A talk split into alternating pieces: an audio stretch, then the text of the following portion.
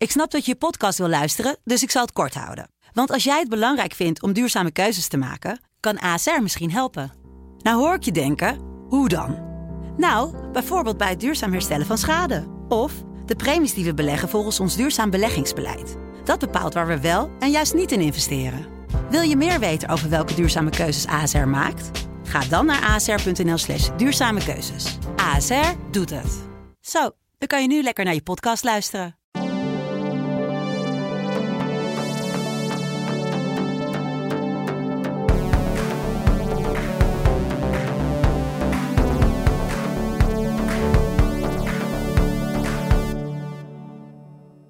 Lieve mensen, welkom bij een nieuwe aflevering van de podcast Songfestival Koorts. Leuk dat je weer luistert. En wij zitten in de podcaststudio van de Telegraaf aan de Basisweg in Amsterdam met Katja Zwart. En met Richard van der Krommert. En als gast is aangesloten Twan van den Nieuwenhuizen. En hij is Head of Contest van het Eurovisie Songfestival dit jaar. Twan, welkom en leuk dat je er bent. Dankjewel, leuk dat jullie mij hebben uitgenodigd. En dan meteen de eerste vraag maar. Van, wat is dat nou eigenlijk, Head of Contest? Ja, dat is een mooie Engelse term. Hè? Alle, alle, alles in het Songfestival is Engelstalig natuurlijk. Dat is de Eurovisietaal. Uh, je moet me eigenlijk zien als een soort combinatie van uh, eindredacteur die programma's maakt. Maar ik ben ook een beetje gastheer en ook scheidsrechter. Dus die drie functies in één. Ik, ik zag, uh, terwijl ik me voorbereidde, het woord toernooibaas voorbij komen. Ja, zo Herken je daarin? Oh, mooi. Herken ik me zeker ook wel een beetje in. ja, het is wat natuurlijk het Songfestival, uh, het Songfestival maakt, is dat het een competitie is. En waar een wedstrijd wordt gespeeld, ja, heb je ook uh, iemand nodig die in de gaten houdt of het allemaal wel volgens de regels uh, verloopt. En ja, dat, een soort scheidsrechter bijna. Absoluut, ja, zo voelt het ook. Dus ik heb de afgelopen tijd al een aantal keren ook zeker op een hele aardige diplomatieke manier nee moeten zeggen tegen landen. En dat hoort bij mijn functie. En ik vind het ook hartstikke leuk om te doen. Niet om nee te zeggen per definitie, maar wel om uh, ja, uit te leggen waarom bepaalde dingen niet mogen of niet kunnen. Mm -hmm. Ga je dadelijk ongetwijfeld ook nog wat over vertellen wat wel en niet mag uh, allemaal.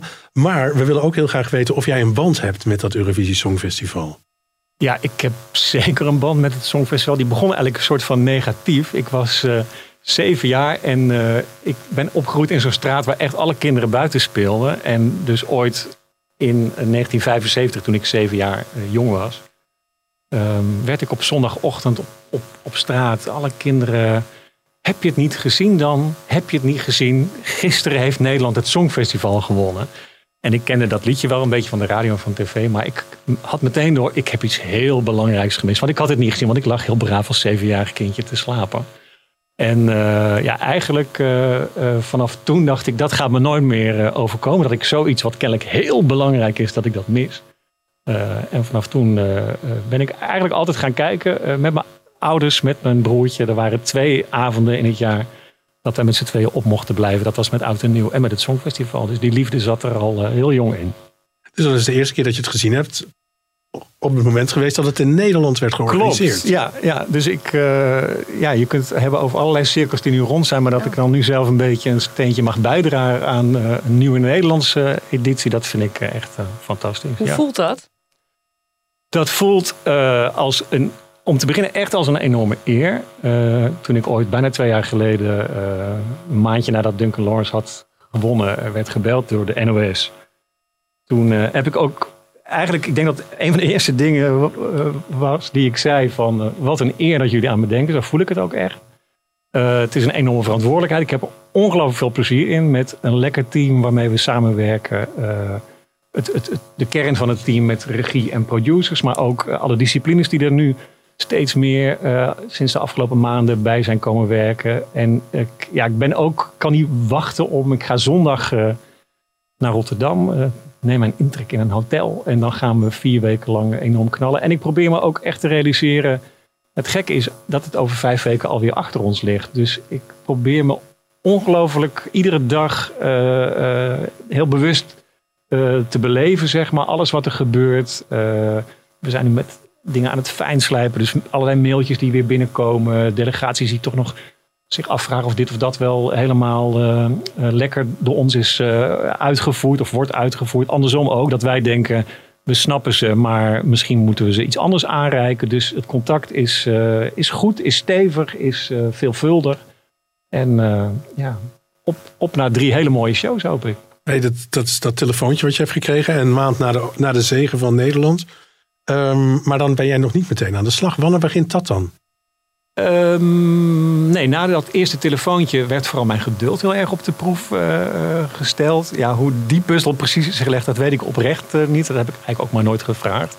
Ik ben toen um, eind augustus echt aan de slag gegaan. En het werk voor het contestdeel, behalve allerlei voorbereidingen, eigenlijk echt het contact met die landen, dat begint, ik kan nu zeggen ieder jaar, want het was in 2020 natuurlijk ook al zo uh, dat begint uh, in januari als uh, landen ook ja, eigenlijk beginnen met het bekendmaken of de zoektocht naar hun, naar hun inzending. Maar wat ja. voor informatie is er dan in januari al beschikbaar? Ehm, nou, nog niet zoveel. Um, ik moet je eigenlijk zeggen dat toen ik de functie die deels ook een beetje is gecreëerd omdat uh, Sietse Bakker uh, en zijn team hadden bedacht we gaan een heel Nederlands team uh, inrichten. Um, dat die functie die ik nu heb, die bestond een beetje, die is door een Zweed ooit bedacht, zeg maar. En um, ja, ik was dus de head of contest. Ik kreeg een Excel-sheet met 41 landen. En achter die 41 landen stonden 41 omroepen. En daarachter stonden 41 namen. Met prachtige namen als Oksana Skibanski en Miri Popova. En ik had werkelijk geen idee wie die mensen waren. En zij kenden mij natuurlijk ook helemaal niet. Dus we zijn eigenlijk uh, in 2020 januari begonnen om uh, ons gewoon te introduceren. Een heel simpel mailtje van hallo, we zijn er voor jullie. En uh, mocht je al... Plannen hebben of mocht je misschien met ons eens willen overleggen. We zijn er, laat het weten en dan gaan we een Teams meeting opzetten. Dat was toen nog een soort van wat mensen niet zo vaak deden. Nu doet de hele wereld niet anders, dus dat maakt het ook allemaal wat makkelijker.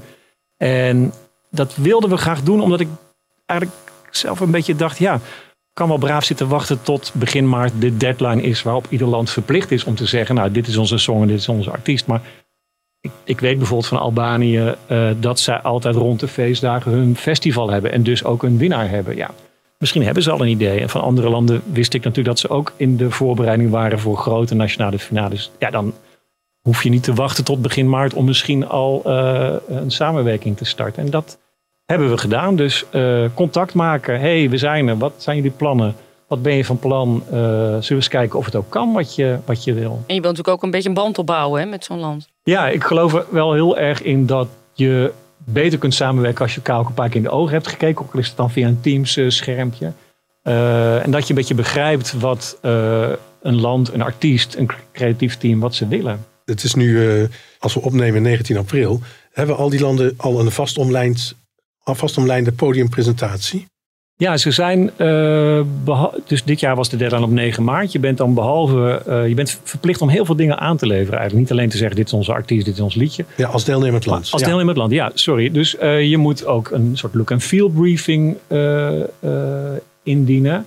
daar zijn verder geen restricties of, of, voorschriften voor. Dat kun je doen zoals je wilt. Maar ja, goed, als je een beetje. Uh, nou, laat ik zeggen, strijdlustig dat aanpakt, dan uh, vul je dat natuurlijk in met beeld en met voorbeelden misschien. Sommige landen hebben al een soort videootje gemaakt met uh, allerlei bestaande beelden om de sfeer die ze in hun optreden willen hebben, om die weer te geven. je bent verplicht om een directors video aan te leveren. Dat is een hele simpele video ehm, van één vast standpunt die de hele stage zeg maar overziet. Dus je, zodat wij dat onze multi, sorry, dat onze meercamera-regisseurs, dat zij zien wat er gebeurt. Dus we kunnen wel uh, het eerste shot beginnen mooi, een close-up van de zangeres die staat te zingen, maar we moeten weten, oh, maar daar op rechts staan al drie zangers, die moeten nog even niet in beeld, maar na 40 seconden, als het eerste refrein begint, dan komen ze aanlopen. Oh, die ene maakt een leuke dansmove. Uh, dus dat is allemaal informatie voor ons om alle disciplines te laten gaan werken. De mensen die het licht ontwerpen moeten weten wat voor kleuren willen we gebruiken? De mensen die de LED-content voor ons maken, het bedrijf dat dat doet.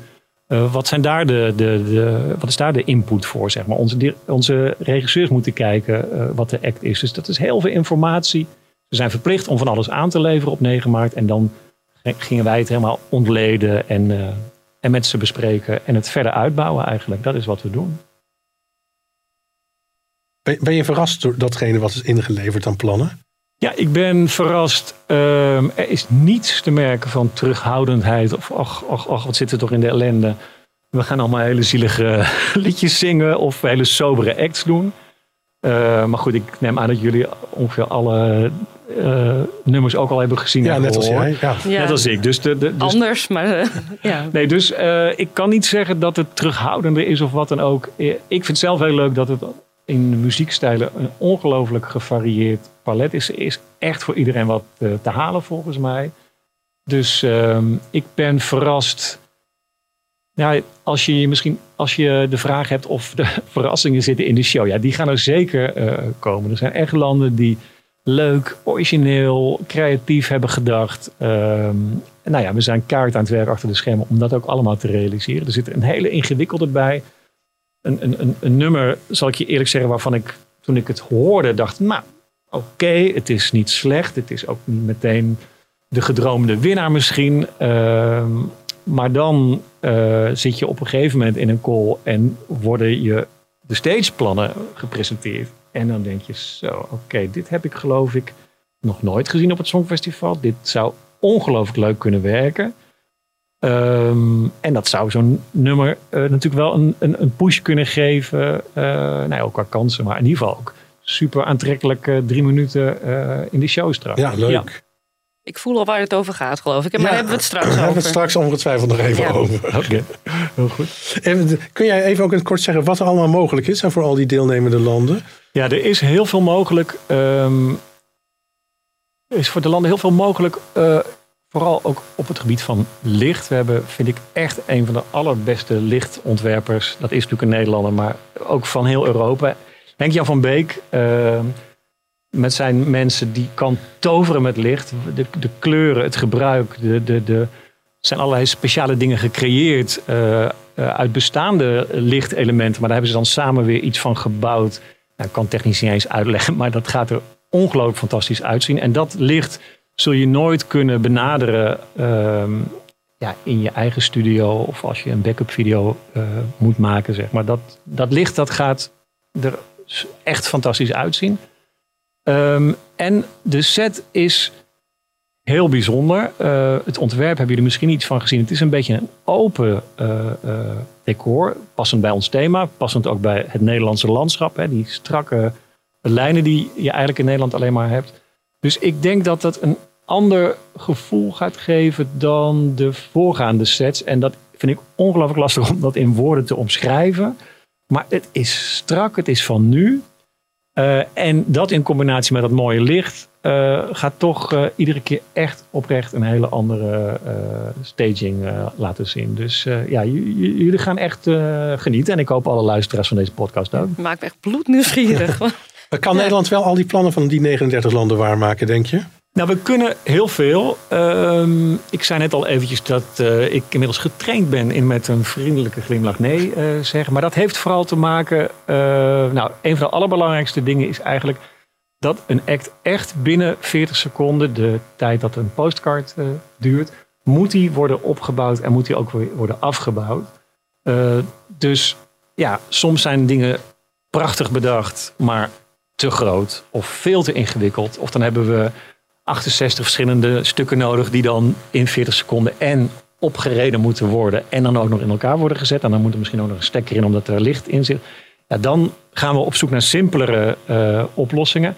Maar dat is niet erg, want dat is meteen dat heen en weer gepingpong wat we leuk vinden eigenlijk ook. Van oké, we snappen wat je wil. Oh ja, je wil, ja, ik kan nu even geen voorbeeld noemen. Dat kan ik wel, maar dat doe ik niet. Maar uh, je wil dat en dat. Dat wordt te ingewikkeld, dat gaat niet lukken in 40 seconden. Laten we met een ander idee komen. Of onze, decor, sorry, onze requisiteur zegt: Ik heb eens even gekeken, maar als we het nou zo doen, of als we nou in plaats van dit dat product gebruiken, dan heb je toch dat effect, maar uh, is het simpeler om te doen. En er zijn ook dingen die echt niet mogen. Uh, uh, water is een, een absolute no-go. Nou, je kent ongetwijfeld wel van concerten dat dansers in zo'n heel klein laagje water dansen. Terwijl je dan van die mooie bewegingen ook krijgt. En van die waterlijnen, zeg maar. Dus dat is een verzoek. Hebben we dit jaar niet gekregen, maar vorig jaar zat hij er wel een keertje bij. En hoe mooi dat ook is. En ik snap uh, als je naar Beyoncé kijkt en ziet haar dat doen. Dat je denkt, ah, dat gaan we lekker bij het Songfestival ook doen. Maar dat is echt veel te risicovol met al die techniek. Die ledvloer waar we op werken. Uh, daar zou met water iets mis kunnen gaan. Uh, en bovendien, uh, ook daarin, als, als je water morst, moet dat ook binnen die 40 seconden dat het wordt afgebroken ook weg zijn. Want je wil- wilt toch niet dat iemand die daarna moet optreden uitglijdt of wat dan ook. Dus water is een hele simpele nee bijvoorbeeld. Confetti?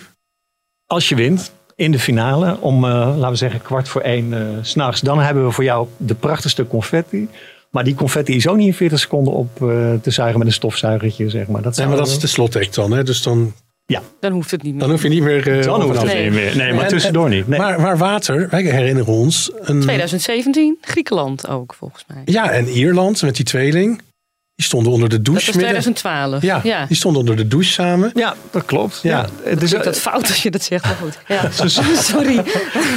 ja, het was geen Sydney Smatje. Nee, dat heb ik eigenlijk helemaal niet gezegd. Maar ehm, eh, nee, ja, regels veranderen natuurlijk ook. En eh, we gaan de 65e editie maken. Ja, ik, ik zou de spelregels uit 1956 met liefde erbij nemen. Maar die zullen ongetwijfeld een beetje anders zijn geweest. Dus eh, dit is aldoende leert men, zeg maar. Ja. En, en het, ik denk ook ineens aan Nederland twee jaar geleden. Die repetities daar in Tel Aviv. En kijk, het, Nederland had niet zoveel om op dat, podium te, te schuiven. Alle- al- alleen die piano van, van Duncan natuurlijk. Maar ik ben daarbij geweest en die repetities gingen gewoon een paar keer verschrikkelijk verkeerd. En daar Terwijl zijn het, repetities toch voor. daar zijn repetities voor. Maar er waren ook dingen gewoon uiteindelijk niet mogelijk bij de Israëlische regie. En dan, als ik jou zo hoor, had dat allemaal van tevoren al uitgekristalliseerd moeten zijn. Ik- In ieder geval, jij kunt niks over Israël zeggen, snap ik. Maar Nou ja, ik, ik, ook oprecht omdat ik die kennis eigenlijk niet eh, heb. Ehm, ik weet wel, eh, nou laat ik het zo zeggen, toen ik begon, ehm, toen zei iemand eh, tegen mij van, één ding is belangrijk, it's not your show. En dat klopt heel erg. Het is eigenlijk, en dat vind ik zo leuk en bijzonder en af en toe ook een beetje gekmakend, die samenwerking met die 39 teams. Dat zijn allemaal losse creatieve teams die allemaal drie minuten van een show maken. Iedere andere show, ieder ander tv-programma, ik ben eindredacteur voor tv-programma's, dan maak je met één team maak je zo'n hele show. En nu switch je iedere keer naar een andere. Dus it's not your show. Dat heb ik in mijn oren geknoopt. En zo zijn wij het als Nederlands team gaan benaderen. Oké, wie ben je? Wat wil je? En laten we kijken hoe ver we kunnen komen. Dat is onze benadering. Die is heel Nederlands. Ik heb inmiddels, kan ik wel zeggen, ehm, teruggekregen van een aantal delegaties dat ze het heel erg waarderen hoe open we zijn en dat we zo snel ook feedback geven. En ehm, ja, iemand zei me ook wel eens van eh, tot voor nu, ja, dan kregen we heel vaak te horen nee, nee, nee. En ehm, ik zeg wel eens nee, maar ik denk dat ik misschien dat wij misschien wat minder vaak nee zeggen dan eh, voorheen is gebeurd. Maar dat is een speculatie, dat laatste van mij. Ben je al tegen cultuurverschillen opgelopen? Ja, natuurlijk. Alle clichés Zonder, zijn zonder een land te noemen, heb je een voorbeeld? Nou ja, het verschil, het is heel leuk als je dus die calls hebt. En dit is uit vorig jaar. Maar dat dan eh, op één dag heb je een eh, wat meer noordelijk gelegen land. En eh, daar zit dan een kwartiertje tussen. En daarna een wat zuidelijker gelegen land. En dat noordelijk gelegen land is kalm en beheerst en goed voorbereid. En dat zuidelijke gelegen land, nou we kwamen in die call. En het was gewoon een kakofonie van zeven types die allemaal ba, ba, ba, en dit en dat en zus en zo. En zij stapelden ook de idee, ja dan willen we dit. Nou en het ging maar door, het ging maar door. En toen, en een trap en eh, confetti waar ik toen nee tegen zei. En een masker en een costume change en vuurwerk. En, eh, en toen, ik dacht, nou ja, hoe gaan we dit allemaal doen? En waar gaan ze dit in hemelsnaam ooit van betalen? Dus toen kwam het achtste eh, voorstel, zeg maar. Ja. En toen zei ik een beetje droog. "Mm, mm. Ik begrijp dat jullie voor een minimalistische act gaan. en toen bleef het even stil en toen moesten ze keihard lachen. No, no, minimalistic is boring. toen riep ik nog, ja, ja, music first. Maar dat zijn dus, dus de verschillen zijn er. En dat vind ik ook, nou ja, je merkt inmiddels wel dat ik enorm van het Songfestival hou. Ik vind het ook zo ongelooflijk leuk dat die verschillen er zijn. En ik hoop ook heel erg dat je dat in het programma een beetje terug voelt als je naar die optredens eh, kijkt. Ja. Hey, dankjewel, Swan. We komen zo bij je terug. Maar wij gaan eerst even wat nieuws eh, doornemen van de afgelopen week. Eh, te beginnen natuurlijk met een postcard. Er is weer een postcard opgenomen. Afgelopen week eh, stond er een zo'n huisje op het Museumplein in Amsterdam. En dan Davina, Katja, Davina Michel, die gaat de pauze-act doen in de eerste halve finale. Nou ja, dat wordt dan weer een op water gebaseerd optreden. Mag ook geen water natuurlijk bijkomen, denk ik zo. Het, Twan houdt zich nu stil, hè? Ja, daar Heel- zal zeker water te zien zijn. Maar hoe dat precies gebeurt, dat is eh, lekker een geheim. En nou, haar act gaat over het gevecht van Nederland door de eeuwen heen met water. Nou ja, daar weten we natuurlijk alles van. En eh, Davina heeft speciaal daarvoor een, eh, een nieuw nummer geschreven. En ze wordt daarin bijgestaan. Jij wil wat zeggen, hè? Ja, ik dacht aan Dick, Dick Pothoven, Head of Styling was hij vorige week. En die zei, ik ben het meest trots op een creatie die iemand aan gaat krijgen die nog niet is aangekondigd. Dat klopt, maar... Is dat dan dit? Nee, dat is niet, nee, dat is niet Oh, dit. Want hij, had, weer. nee, hij heeft toen gezegd dat het ging om het optreden tijdens de finale. Dus na Afrojack en na Glennis Oh, Grace komt er nog wat. En daarover zei hij nou, dat, wat, wat, dat, die outfit is zo geweldig en fantastisch. Maar die aankondiging die komt nog. Maar ik vraag me af waar Anouk blijft. Ja, ik vraag me af waar Ilse blijft. Ik bedoel, ik weet niet of ze komen. maar Anouk maar- heeft het tij gekeerd in Songfestivalland. Dat is waar. Ja, Maar Ilse is toch, Ilse ook. Ilse, ook. Ilse is Ja. toch ook onze Eurovisiekoningin geworden hier in Nederland. Eh Tekla Reutse wilde ik zeggen. Die gaat meedoen met, eh, met Davina Michel. En ehm, Davina eh, was samen met Gerben Bakker. ehm, ook, een, ook een belangrijke man achter de knoppen voor de totstandkoming van de show. eh, waren vrijdag 16 april te gast bij Op 1. En een kort stukje van het interview willen we je even laten horen. De laatste jaren wordt jouw naam steeds genoemd om Ja. mee te doen als eh Nederlandse afgevaardigde. Zou je dat nu overwegen? Je hebt altijd gezegd nee, nee, nee. Nou, ik zeg nooit nooit. Kijk, ik denk dat er een moment is. Ja, weet je, dit- nieuws. af en toe staat het niet bovenaan mijn lijstje. Maar ik bedoel. eh, Maar waarom niet als dat het grootste podium is ter wereld? 200 miljoen kijkers, hè? jullie maken het wel heel erg. eh, ja, Ja, maar nou daar ja. snap ik helemaal niets van. Nou, ik heb het is het grootste podium Maar misschien- ever. Ja, maar het is misschien ook het wedstrijdelement dat we me nu op dit moment zelf niet aantrekken om aan mee te doen. Daarom ben ik ook zo enorm blij met de po- positie die ik nu eh, Ja, heb. podium heeft ze nu ook. ik heb hè? wel het podium, maar niet de wedstrijd, zeg maar, waar ik aan mee hoef te doen. Dus Ja. daar ben ik heel erg blij mee op het moment. En wie weet, ehm, smaakt het na deze, deze, deze avond wel naar meer, wie weet. Ja. Maar voor nu is het gewoon nog even dit. Want het, duurt, het is niet alleen maar liedjes zingen. Hoe lang, hoe lang, hoe lang gaat de act duren? Die act duurt, zeg ik uit mijn hoofd, eh, 4 minuten en 5 seconden. Oh ja, de act ook. zeg, eh, eh, Jean-Gu, want, even, want dat wil jij ook natuurlijk weten. hè? Jean-Gu, hoe die, eh, hoe die, hoe Ja, die staat. hij staat niet goed bij de boekmakers nee, nu, hè? nee.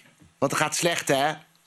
Wat ik hier Ah, onvoorstelbaar boek- vind. boekmakers hebben het niet altijd gelijk. Hè? Ze hebben het ook nog niet gezien, hè? Welke plek staat hij nu? Ja, wel vier, ze hebben toch eerst de clip gezien? Nou ja, maar die, die clip is niet wat je daar gaat zien. En het optreden wat de Avotos heeft laten zien, wordt niet wat het is. Eh, dus ja. Nee, het wordt allemaal weer anders. Ja, natuurlijk. Ja. Oké, een stukje uit eh, Op 1. Davina, Michel, zouden wij haar willen als... eh, Waarom niet? eh, ja, toch? Ja, maar Ja. zij past mooi in dat rijtje waar we het vorige keer al over hadden.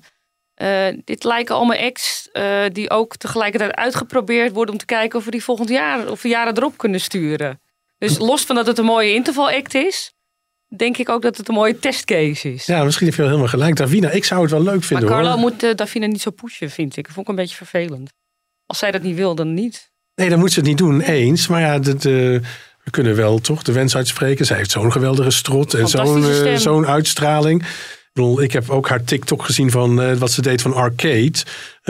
Zoals zoveel natuurlijk. Ze stond in Amsterdam eh, op het, en, eh, in de NDSM-werf. Waar nu dat museum is met al die straatkunst.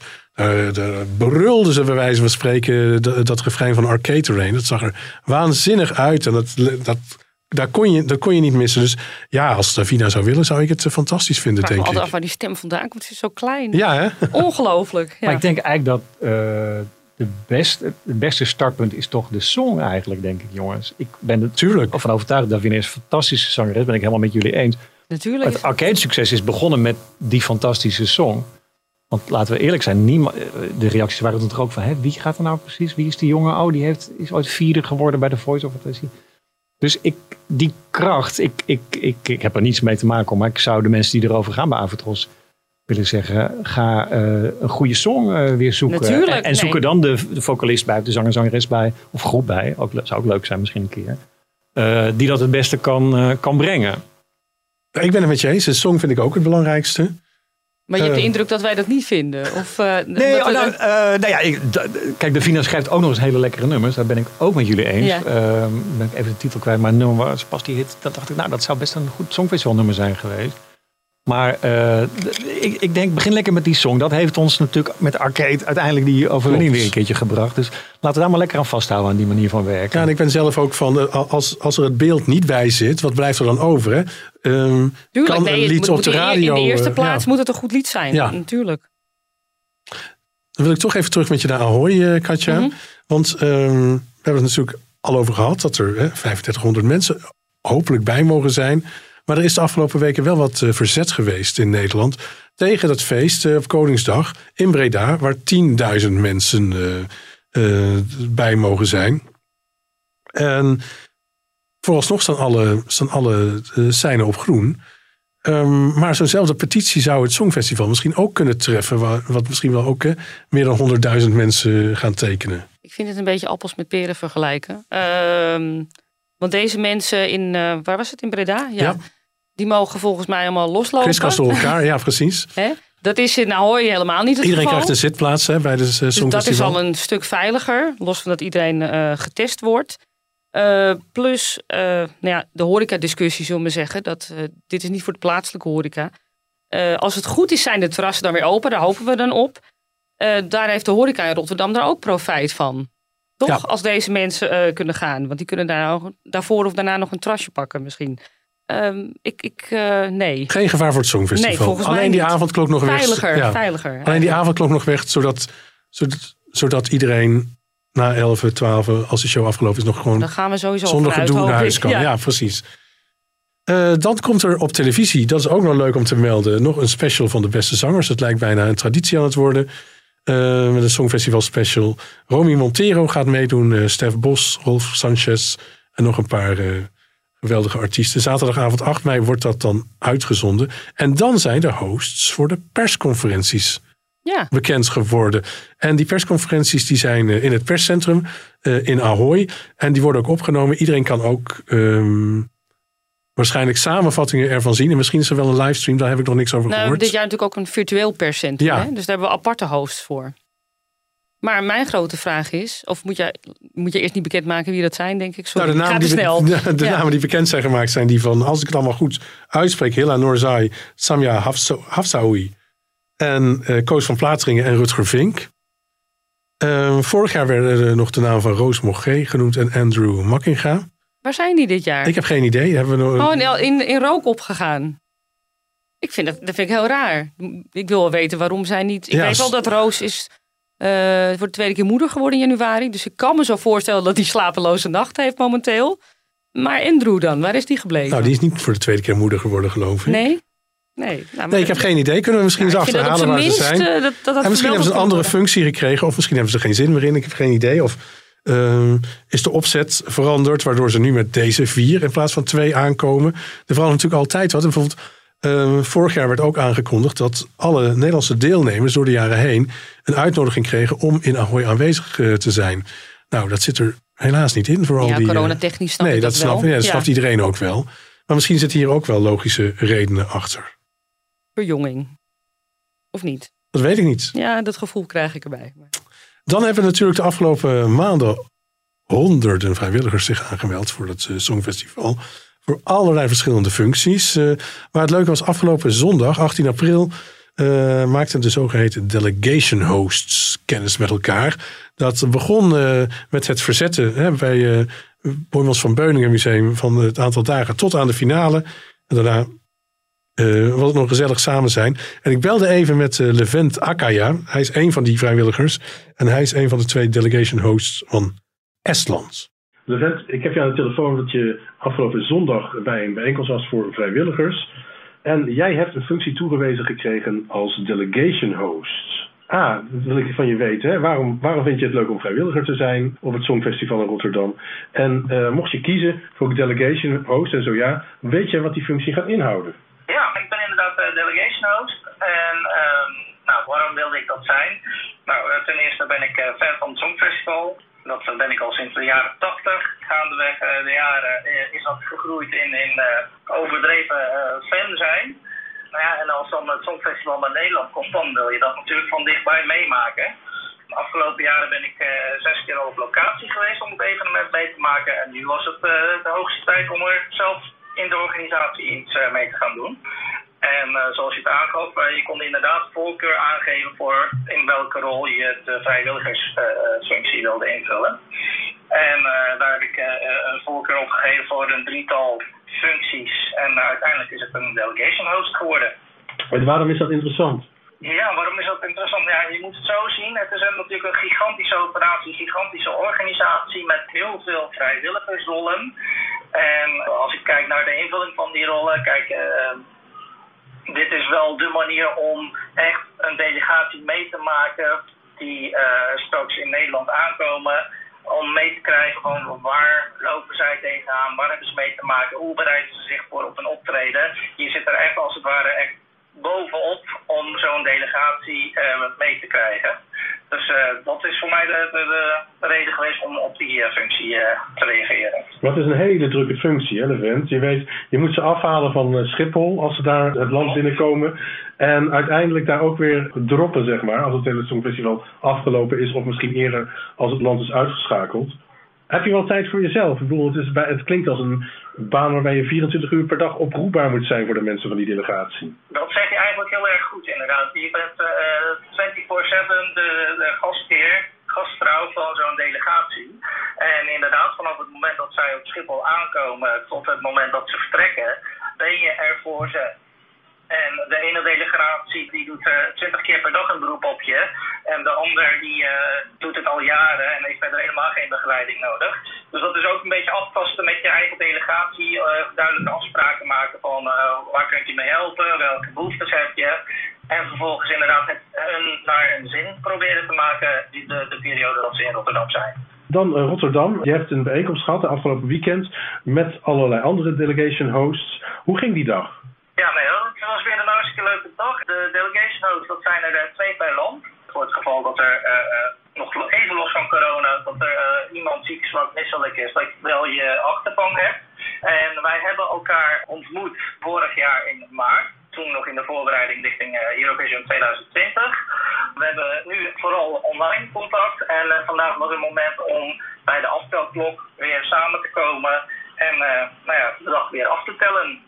Goed, je bent bij het aftel, eh, aftelplek geweest. En daarna ehm, begrijp ik dat jullie nog een tour hebben gemaakt. Klopt, we hebben ook nog een bustour gehad. Precies wat je zei, in de rol van delegation host ben je er voor je delegatie eh 24-7. Dus je moet er ook wel het een en ander kunnen vertellen over Rotterdam. Ik woon zelf in Rotterdam, maar er zijn ook een aantal collega delegation hosts die eh, niet helemaal thuis zijn in Rotterdam. Dus voor hen was het ook een mooie mogelijkheid of gelegenheid om even eh, nou ja, wat nader kennis te maken met de stad. Dan even te- tot slot, eh Levent. Eh, je bent zodanig fan dat je ook een game-app hebt ontwikkeld eh, over het Songfestival. Om voorspellingen en dergelijke te doen. Maar daar kun je zelf veel meer over vertellen. Kun je vertellen hoe die game-app heet en wat je ermee kunt doen en hoeveel mensen het zouden moeten gaan gebruiken? Ja, de app heet eh, Fantasy, eh, op zijn Engels alleen eh, gespeld met een ESC, met een verwijzing naar Eurovision Song Contest uiteraard.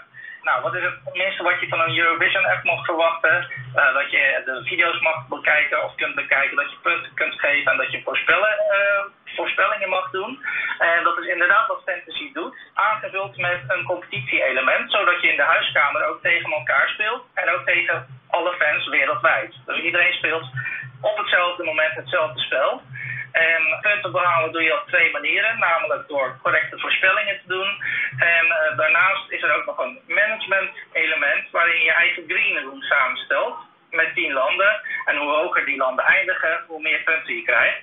En dit is eigenlijk naar het voorbeeld van managerspellen zoals je ook bij voetbal en Formule 1 ziet. Nou, dit wordt de eerste live editie, dus tijdens de shows die op tv zijn kun je het spel spelen. En eh, na afloop van elke show worden de rankings per groep, per land en eh, wereldwijd eh, bekendgemaakt via de app. En ja, hoeveel gebruikers wil ik? Nou ja, zoveel mogelijk. Er gaan dit jaar, denk ik, een record aantal toeschouwers naar het evenement kijken. En ja, dit spel is een must-have voor elke liefhebber. Dus ik ga er vanuit dat we ook gewoon 200 miljoen downloads gaan krijgen.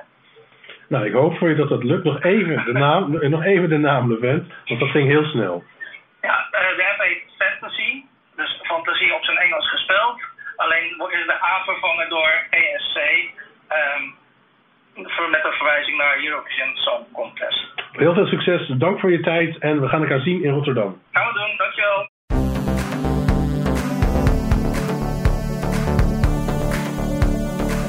Eh, dat was Levent. Eh, ben jij ooit als vrijwilliger meegedaan aan het Songfestival, eh, Katja? Nee, nee. Zou het iets voor je zijn? Weet ik niet. Ik vind het, ik vind het leuk om als pers eh, kritiek te spuien eigenlijk. Nou, dit niet in negatieve zin, maar dat dat kan en mag. En als vrijwilliger kan dat niet altijd. Ik hou van het vrije woord, zullen we maar zeggen. Ja, Ja, ik heb nog maar een- het lijkt, ja. het lijkt me een hele bijzondere ervaring. Ja, toch, nou, Rotterdam staat, eh, staat echt op zijn kop. Bijna elke dag is er nieuws over de, wat er allemaal eh, gebeurt. Toevallig was ik maandag de 19 april even op en neer naar Rotterdam. De muurschildering, waar we twee weken geleden al over hebben gehad in de, in de podcast, eh, werd, werd onthuld. Toen hebben we een interviewtje gehad met eh, Timon de Laat, die heel die, eh, die wand heeft beschilderd. Eh, is echt verbluffend mooi geworden. Ik kan niet anders zeggen. Eh, pakt, pakt je aandacht. Het is zo ongelooflijk kleurrijk. En samen met Jean-Gu werd er in de rechterbovenhoek van die, van, van die muurschildering, dat moet echt 8, 9 meter hoog zijn geweest, nog een laatste tag van Timon geplaatst. En dat, daarmee werd vuur, vuurwerk afgeknald en ook confetti de lucht ingeschoten. Daar mag het Mocht wel. wel ja. daar. Ehm, en daar zag ik wel dat Jean-Gu wat, eh, wat hoogtevrees had. Oh, Ach, zielig. ja, dat is toch echt. Ja. Maar iedereen die in Rotterdam gaat, eigenlijk vaste prik. Ehm, ga daar even langs. Want het is echt de moeite waard. Die, iedereen die maar een dagje komt kijken in eh, eh, Rotterdam om het Songfestival op te snuiven. Echt een geweldige plek. Wat er nog meer is gebeurd, eh, ook weer bij die, eh, bij, die, bij die plek waar die aftelklok staat, is dat daar een kookboek is gepresenteerd afgelopen week. Kookboek? Kookboek, ja. Ik zie jou denken en ik dacht bij mezelf ook. Wat moet dat dan zijn? Wat, Nou, vertel. nou ja, allemaal gerechten uit 41 landen. gebundeld met een Rotterdam sausje eroverheen. En Edwin, Edwin Vinken heeft dat gemaakt. En die heb ik even gebeld daarover. Wat wij daar nou eigenlijk bij voor moeten stellen. Want wat kennen wij nou van de Rotterdamse culinaire geneugten? Helemaal niks. Waarom moest er een boek komen? Een kookboek? Nou, niks moest altijd. Alleen uiteindelijk heb je soms wel eens ideeën van... eh, ja, wat zou je graag willen? En het Songfestival komt eh, natuurlijk naar Nederland, naar Rotterdam. Ja, helaas niet in de vorm die we natuurlijk hadden gehoopt. Maar tegelijkertijd wil je wel nog steeds je stad op de meest ja, mooie manier laten zien. Eh, en heb ik zelf heel veel met koken en met eten. En toen dacht ik, weet je, wat zou je nou kunnen... eh, eh, ja, ik wil eigenlijk vind het wel heel erg mooi om iets met koken ook te doen. En als je naar zingen of naar koken kijkt, het verbindt. En het verbroedert dus ook. Dus zodoende dachten wij van, we gaan iets doen. We gaan een kookboek maken met 41 eh, recepten van al die 41 deelnemende landen. Het is volgens mij het eerste kookboek wat ooit gemaakt is voor het Songfestival. Toch heb je hè, 41 gerechten maar uit 41 landen. Toch heb je er een speciale twist aan gegeven, begrijp ik. Ja, eh, sowieso uiteraard met respect voor het land en voor het gerecht. Eh, alleen wij vonden het zelf wel heel erg leuk om die mensen eigenlijk de Rotterdamse twist eraan te geven. En Rotterdam is natuurlijk soms ook gewoon de regio, soms ook het land Nederland, maar vooral die Rotterdamse twist aan een gerecht mee te geven. Ja, bijvoorbeeld eh, bietjes. Nou, Rotterdam noemen we dat krootjes. Dus wij zijn bij een recept, volgens mij uit Marokko, eh ja, we gaan juist die krootjes gebruiken. Dat verwerken we ook in het recept, met respect voor het landelijke recept. Eh, eh, en geven het net die twist, waardoor we het ook die Rotterdamse twist geven. En als je naar een stad, een wereldstad zoals Rotterdam kijkt, zo is ook eigenlijk ons huidige eetpatroon. Ik bedoel, al die nationaliteiten die meer dan 175 die deze stad heeft, ja, die hebben ons een nieuw eetpatroon gegeven waar we super dankbaar voor kunnen zijn. Kijk, dat van die bietjes, dat wist ik helemaal niet. Ik ken Rotterdam alleen van de kapsalon. Ja, nee, de, nee, de kapsalon vind ik hartstikke leuk dat je dat zegt, want een kapsalon is ook echt in Rotterdam bedacht. Je een kapsalon wij dachten ook, weet je, wil je die kapsalon ergens in verwerken? Ja, als je aan Duitsland denkt, nou, waar denk je dan aan? Eh, braadworst, curryworst. Ja, dat, eh, heel goed dat je dat zegt. Dus wij hebben gezegd, weet je wat, die braadworst, daar gaan we een soort kapsalonversie van maken. Dus daar kiezen we inderdaad een, vorm voor, waarin we juist inderdaad die kapsalonversie, is een zilverfolie bakkie eigenlijk, zo op Rotterdams. Doen we patatjes in, daar doen we eh, worst ook in. Dus die curryworst wordt dan wel inderdaad echt een Nederlandse worst. Dus eh, van Brand en Levi hebben we de worst. Eh, patatjes erbij en dan maken we gewoon een hele mooie kapsalon. Maar wat tegelijkertijd, ja eigenlijk gewoon inderdaad braadworst met pommes. En wat zeg je ernaast of wat drinkje erbij? Gewoon een pul bier. En dan hebben we gewoon een lekkere Rotterdamse bier van Brouw en Noord. Een pul. Ja, en dat is eigenlijk ons Duitse gerecht. Het lijkt me verschrikkelijk lekker en ik hoop dat het tijdens de Songfestivalweken ergens, eh, ergens te kopen is of eh, te laten bezorgen in Rotterdam. Want ik denk dat meerdere mensen het verschrikkelijk leuk vinden. Wat zijn jou jouw, drie favoriete gerechten uit je boek? Ja, dat vind ik wel heel erg moeilijk. Eh, want ja, als je drie kiest, dan kies je dus 41 niet. Sorry, 38 niet. Eh, ik moet even zeggen, het is een boek. Het is natuurlijk als je naar gerechten kijkt, we hebben voorgerecht, hoofdgerecht, nagerecht, vlees, vis, vega. Eh, we hebben ook bijgerechten, Ierland, de whisky. Eh, maar ook wat ik zelf, ja, toch ook wel een soort snoepert, soms eh, de eclair. Eh, Frans natuurlijk, we kennen het niet. Uh, wie, wie kent het eigenlijk niet. Dus we hebben ook een soort Rotterdamse versie van die eclair gemaakt. Ja, dat is een gebakje, hè? Oh, Ja, dat is een gebakje inderdaad, dus dat hebben we ook juist. Ik vind zelf Litouwen heel erg goed gelukt met die biertjes, maar dat is ook vooral, want we hebben dit boek gemaakt met Terry Priem, ja, chef-kok van Gastro Ster. Eh onlangs een, eh, een Bib Gourmand ook gewonnen. Als je het ook ziet, sommige gerechten zien er ook zo ontzettend mooi uit en dan proeft het ook nog eens lekker. En als ik zeg bietjes, krootjes, dat je denkt, nou ja, ik, ik pas wel even. Als ik er ook nog eens bij zeg dat het een dessert is, dat je helemaal denkt, nou, wil ik dat eigenlijk wel? En als je het dan neemt, dat je denkt, jeetje, wat is dit een mooie, leuke verrassing. En welk land? wel- wacht even, je ging even iets te snel. Welk land was dat dan, wat je net vertelt? Ja, ik, ik, ik- volgens mij is dat Litouwen. En ik ga dat even zo even nog snel even kijken. Eh, ja, dat is Litouwen. En als je het op Litouwen, dan spreek je natuurlijk helemaal verkeerd uit. Eh Salty. En ik ga het nog even, ik zal het in ieder geval helemaal verkeerd doen, maar het is origineel, is het een originele vorm koude bietsoep. Eh, waarbij we in Rotterdam zouden zeggen, nou, we maken er een krotensoep van. Ja. Eh, alleen we hebben hem helemaal omgetoverd tot dessert. Nou, Italië natuurlijk de pasta's, Israël de falafel. Ze hebben een hele mooie falafel gemaakt. Ja, dit is eigenlijk, ik vind het gewoon heel moeilijk om te kiezen. Ja, nou ben ik zelf wel fan van kookboeken en, en, gezellig thuiskomen, glaasje wijn schenken en beginnen te koken. Maar het moet voor mij wel allemaal, zeg maar, te behappen zijn. Het, moet origineel zijn, maar vooral ook te maken. En ik moet al die dingen gewoon eigenlijk bij meneer Rijn of mevrouw Jumbo kunnen kopen. Hoe is dat bij dit kookboek? Nou, is bij dit kookboek is dit gewoon echt heel goed te maken. Het zijn hele simpele, maar mooie en pure gerechten. Waarbij de, de ingrediënten eh, gewoon inderdaad verkrijgbaar zijn bij de winkel om de hoek. Noorwegen schijnt ook verschrikkelijk lekker te zijn. Ja, de Yellow Snow. Als je het, eh, dat hebben wij ervan gemaakt. Nou, uiteraard een gerecht met vis. Eh, en wij hebben onze eigen varianten er toegevoegd. Ja, ja ik, ik kan het allemaal vertellen, maar het is gewoon, het, water staat me al in de mond. Het, het is gewoon echt een schitterend gerecht A, om te maken, om te zien, maar ook om te proeven. Dus ik weet zeker, als jij dit zou, voor, eh, als je het zou maken, je kan het maken, je kan een gerecht weer aan de hoek halen. En als je het voor zou schoten, dan iemand zeggen, jeetje, je hebt je zoveel overtroffen. En dat is misschien ook wel het mooie in het boek. Tot slot, eh, gaan mensen die bij het Songfestival werken dat boek ook nog zien de komende weken? Die bij het Songfestival werken? Ja, nee, zeker. Eh, sowieso hebben we voor alle delegaties die komen, hebben we een boek. En dat willen we ook bewust, want er zijn natuurlijk heel veel mensen die niet naar Rotterdam kunnen komen. Eh, die geven we ook een boek mee, want hij is ook Engelstalig. De hoop dat ze ook zeggen, we komen een keer terug naar Nederland en naar Rotterdam. eh, om die stad te zien, te ervaren en wat ons betreft ook te proeven. En in die tussentijd gaan we ook gerechten maken. Dus we gaan voor delegaties gerechten maken. En we gaan ook wel iets met takeaway doen. Om sommige gerechten in aanloop naar het Songfestival beschikbaar te maken. Nou, ik verheug me er nu al op, want eh, ik woon in mei twee weken in Rotterdam. Dus eh, wellicht dat ik iets uit je boek ga eten en ik ga ook nog lekker doorbladeren. Dankjewel Edwin Ik eh, voor nodig je nu. uit om uh, zeker te nemen ook. Dus ik zou zeggen, kies een land uit en dan zorg ik ervoor dat, het, dat we het gaan maken. Leuk, hartstikke leuk. Dankjewel voor je tijd voor nu.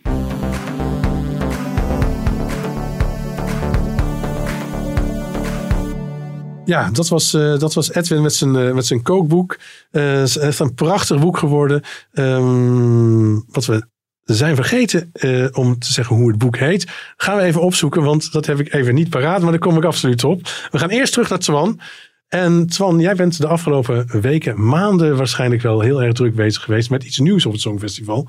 Namelijk die back-up optredens. Ehm, wat zijn dat dan precies, die back-up optredens? En hoe gaat dat in zijn werk? Ja, we kregen eigenlijk al heel snel eh, de opdracht vanuit de EBU dat we hoe dan ook eh, de competitie moesten laten doorgaan. Eh, wat er ook gebeurde in de wereld, wat er ook gebeurde met die verschrikkelijke pandemie. Ehm, en dat begrijpen we, dat begrijp ik ook hartstikke goed. Ehm, dus ehm, ja, toen moest er een plannetje komen voor de omstandigheden dat artiesten, delegaties niet in de omstandigheid zouden zijn om naar Nederland te komen. Dus die backup video's eh, zijn bedacht. Ehm, live optredens in een studio in het land zelf. Die we inmiddels allemaal hebben opgenomen. En ehm, ja, dat was natuurlijk ook een nieuwe toevoeging aan de wedstrijd. Dus daar hebben we ook een eh, apart wedstrijdreglement voor opgesteld. Ehm, en eh, ja, in de, tijdens het, het opnemen van die video's, daar eh, hebben we ook toezicht echt gehouden om te kijken of het allemaal wel eh, eerlijk en volgens de regels eh, verloopt. Zijn die backups niet oneerlijk? In die zin, hè, wil- in Ahoy heeft iedereen datzelfde podium, dezelfde basiswoorden, dezelfde licht. Ehm, en met voor zo'n backup video kun je misschien wel allerlei extra eigen dingetjes creëren die niet op dat podium kunnen. Nou, de belangrijkste reden, regel, sorry, de belangrijkste regel is eigenlijk ehm, voor de backup video's. Alles wat in Ahoy niet kan of niet mag, dat mag in die video ook niet. Dus dat is een hele simpele, die ook heel veel meteen eh, uitsluit, zeg maar. Ehm, maar verder hebben we eigenlijk ook wel eh, gedacht om juist niet dingen eenvormig te maken. En dat was eigenlijk een, een, een, iets wat we hebben eh, geleerd toen wij Europe Shine a Light maakten. Die alternatieve show die we toen eigenlijk in zeven weken uit de grond hebben gestampt. Songfestival 2020 was afgezegd. We wilden toch iets doen. En ehm, ik was toen met twee collega's ook verantwoordelijk voor ehm, alles wat die landen moesten aanleveren of konden aanleveren. En misschien kun je nog iets herinneren van de postcards die we toen hebben gemaakt. Daar konden we uiteraard niks voor draaien. We konden geen cameraploeg naar al die landen sturen. Dus we hebben toen materiaal opgevraagd aan al die landen. Stuur ons maar wat je hebt van je artiest. Backstage materiaal. Misschien dingen die je ooit voor social media hebt gedraaid. eh, dingen uit je nationale finale die je niet hebt gebruikt. En wij maken er wel een leuke postcard van. Ik vind persoonlijk dat we daar ook, ik ben natuurlijk niet objectief misschien daarin, maar dat we daar best goed in waren geslaagd. Maar wat ik vooral leuk vond, was dat we terugkregen van kijkers. hey, die postcards waren eigenlijk best wel leuk. Ze waren niet zo gladjes. Je leerde echt de artiesten kennen, want je zag ze in hun eigen huis, met de kat of in de keuken. Of ze, waren eh, op weg naar een optreden, niet vol in de make-up, maar gewoon hè, lekker met een hoodie en een beetje zo. Dus je leerde toch door die postcards een beetje de artiesten kennen. Eh, ze spraken toen ook allemaal een boodschap in. Nou ja, bijvoorbeeld de Portugese zangeres zat gewoon eh, op haar eigen eh, bed. Uh, er was niks glamorous aan, maar ja, een, een student, conservatoriumstudent, die nergens naartoe kon in die periode in Portugal, omdat alles hartstikke op slot was. Dus de artiesten kwamen wat dichterbij. En toen dachten we eigenlijk, toen we gingen nadenken over de uitstraling van die ehm, backup video's. Dat plan is dus eh, in zijn stijgers gezet in, nou ik denk dat we in augustus, september al de eerste eh, brainstorms daarover hadden. En we dachten eigenlijk, wat toen zo goed werkte, dat je die huiskamers en het huiselijke leven, het dagelijkse leven van die artiesten. Laten we dat meenemen naar die backup video's. Dus laten we dan maar omarmen dat de studio in Moldavië er misschien wat anders zal uitzien dan de studio in Londen. En laten we vooral niet die landen uh, lastigvallen met allerlei verplichtingen, maar we geven ze de vrijheid en we omarmen het feit dat het waarschijnlijk, als we straks in de ongelukkige omstandigheid zouden zijn, dat er toen nog 41, nu 39 video's moeten worden vertoond, dat ze heel verschillend zijn. Dat heeft iets oneerlijks in zich om jouw vraag te beantwoorden. Dus ik zal de laatste zijn om te beweren dat het nu 100% gelijkwaardig is. Want dat is eigenlijk wat je vraagt. Is het gelijkwaardig? Mm. Maar de omstandigheden waarin ze moesten doen, die zijn wel voor iedereen gelijk. Dus je moet live zingen. Je hebt een uur. Een kwartiertje voor dat uur uh, bellen we in. En we is iemand van de EBU, iemand van Ernst Jong en meestal twee mensen van ons team. Ik heb dat bijna altijd zelf gedaan met een collega. We nemen nog even de procedure door. Dan zegt iemand van de EBU ook heel formeel. Uh, je hebt deze procedure gehoord, je bent het ermee eens en je geeft akkoord. En dan zei de head of delegation, ja, dat heb inderdaad, akkoord. En dan ging het uur in, mochten ze drie keer hun hele act uh, doen. Ze mochten tussendoor even overleggen, ze mochten nog wat dingen bijstellen. Een soort repetitie met optredens in, één eigenlijk. Binnen het uur met elkaar besluiten wat ze de beste take van die drie vonden. Welke ze dus wilden insturen als hun bijdrage voor het Songfestival. En wij moesten binnen het uur zien dat ze ook gestart waren met het uploaden van uh, de mastermix, de full mix. En ook daarna moesten ze nog alle audiofiles en alle videofiles apart uh, uh, uploaden, apart aan ons opsturen. Zodat wij ook nog hebben kunnen checken, mochten we twijfelen, is dit wel eerlijk?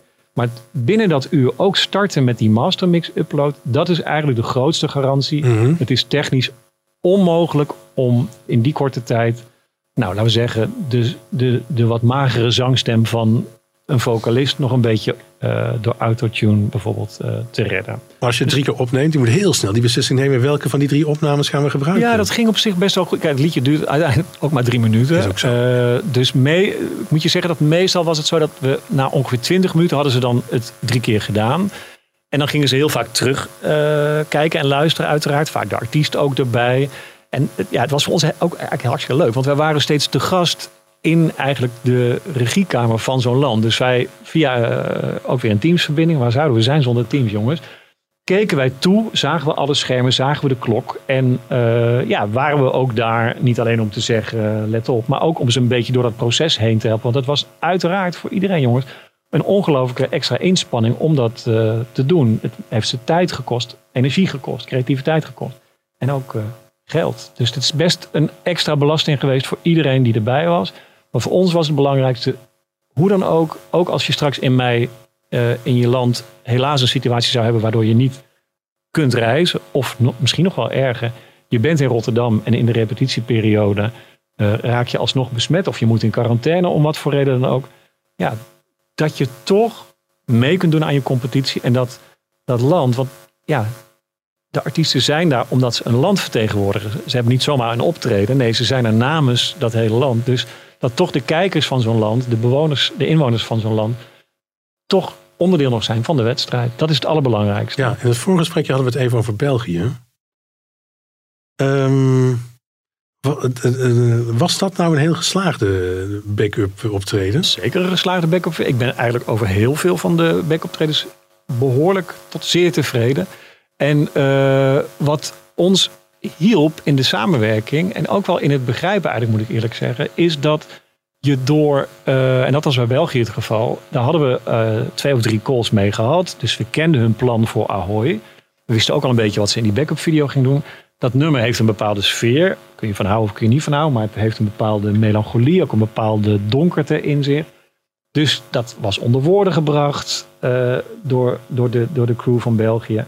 Eh, dat stond ook in documenten. We zagen wat visuals. We begrepen het heus al. Maar toen waren we eh, dus ook aan het toekijken. Toen zij hun backup video opnamen. En ja, dan zie je gewoon het spektakel. Het, het, de uitvoering van, eh, van die act. Die best in dit geval raakvlakken heeft met wat op het podium in Ahoy ook gaat gebeuren. En dan in ieder geval voor mij, persoonlijk, toen begreep ik het nog beter van, ah, dit is wat jullie doen. Dit sluit aan bij de tekst van het nummer. Dit sluit aan bij de boodschap die het verhaaltje eigenlijk vertelt, zeg maar. Dus dat, eh, hel, het hielp ons ook enorm in sommige gevallen. En België is daar een goed voorbeeld van. Van, ah, nu begrijp ik nog beter.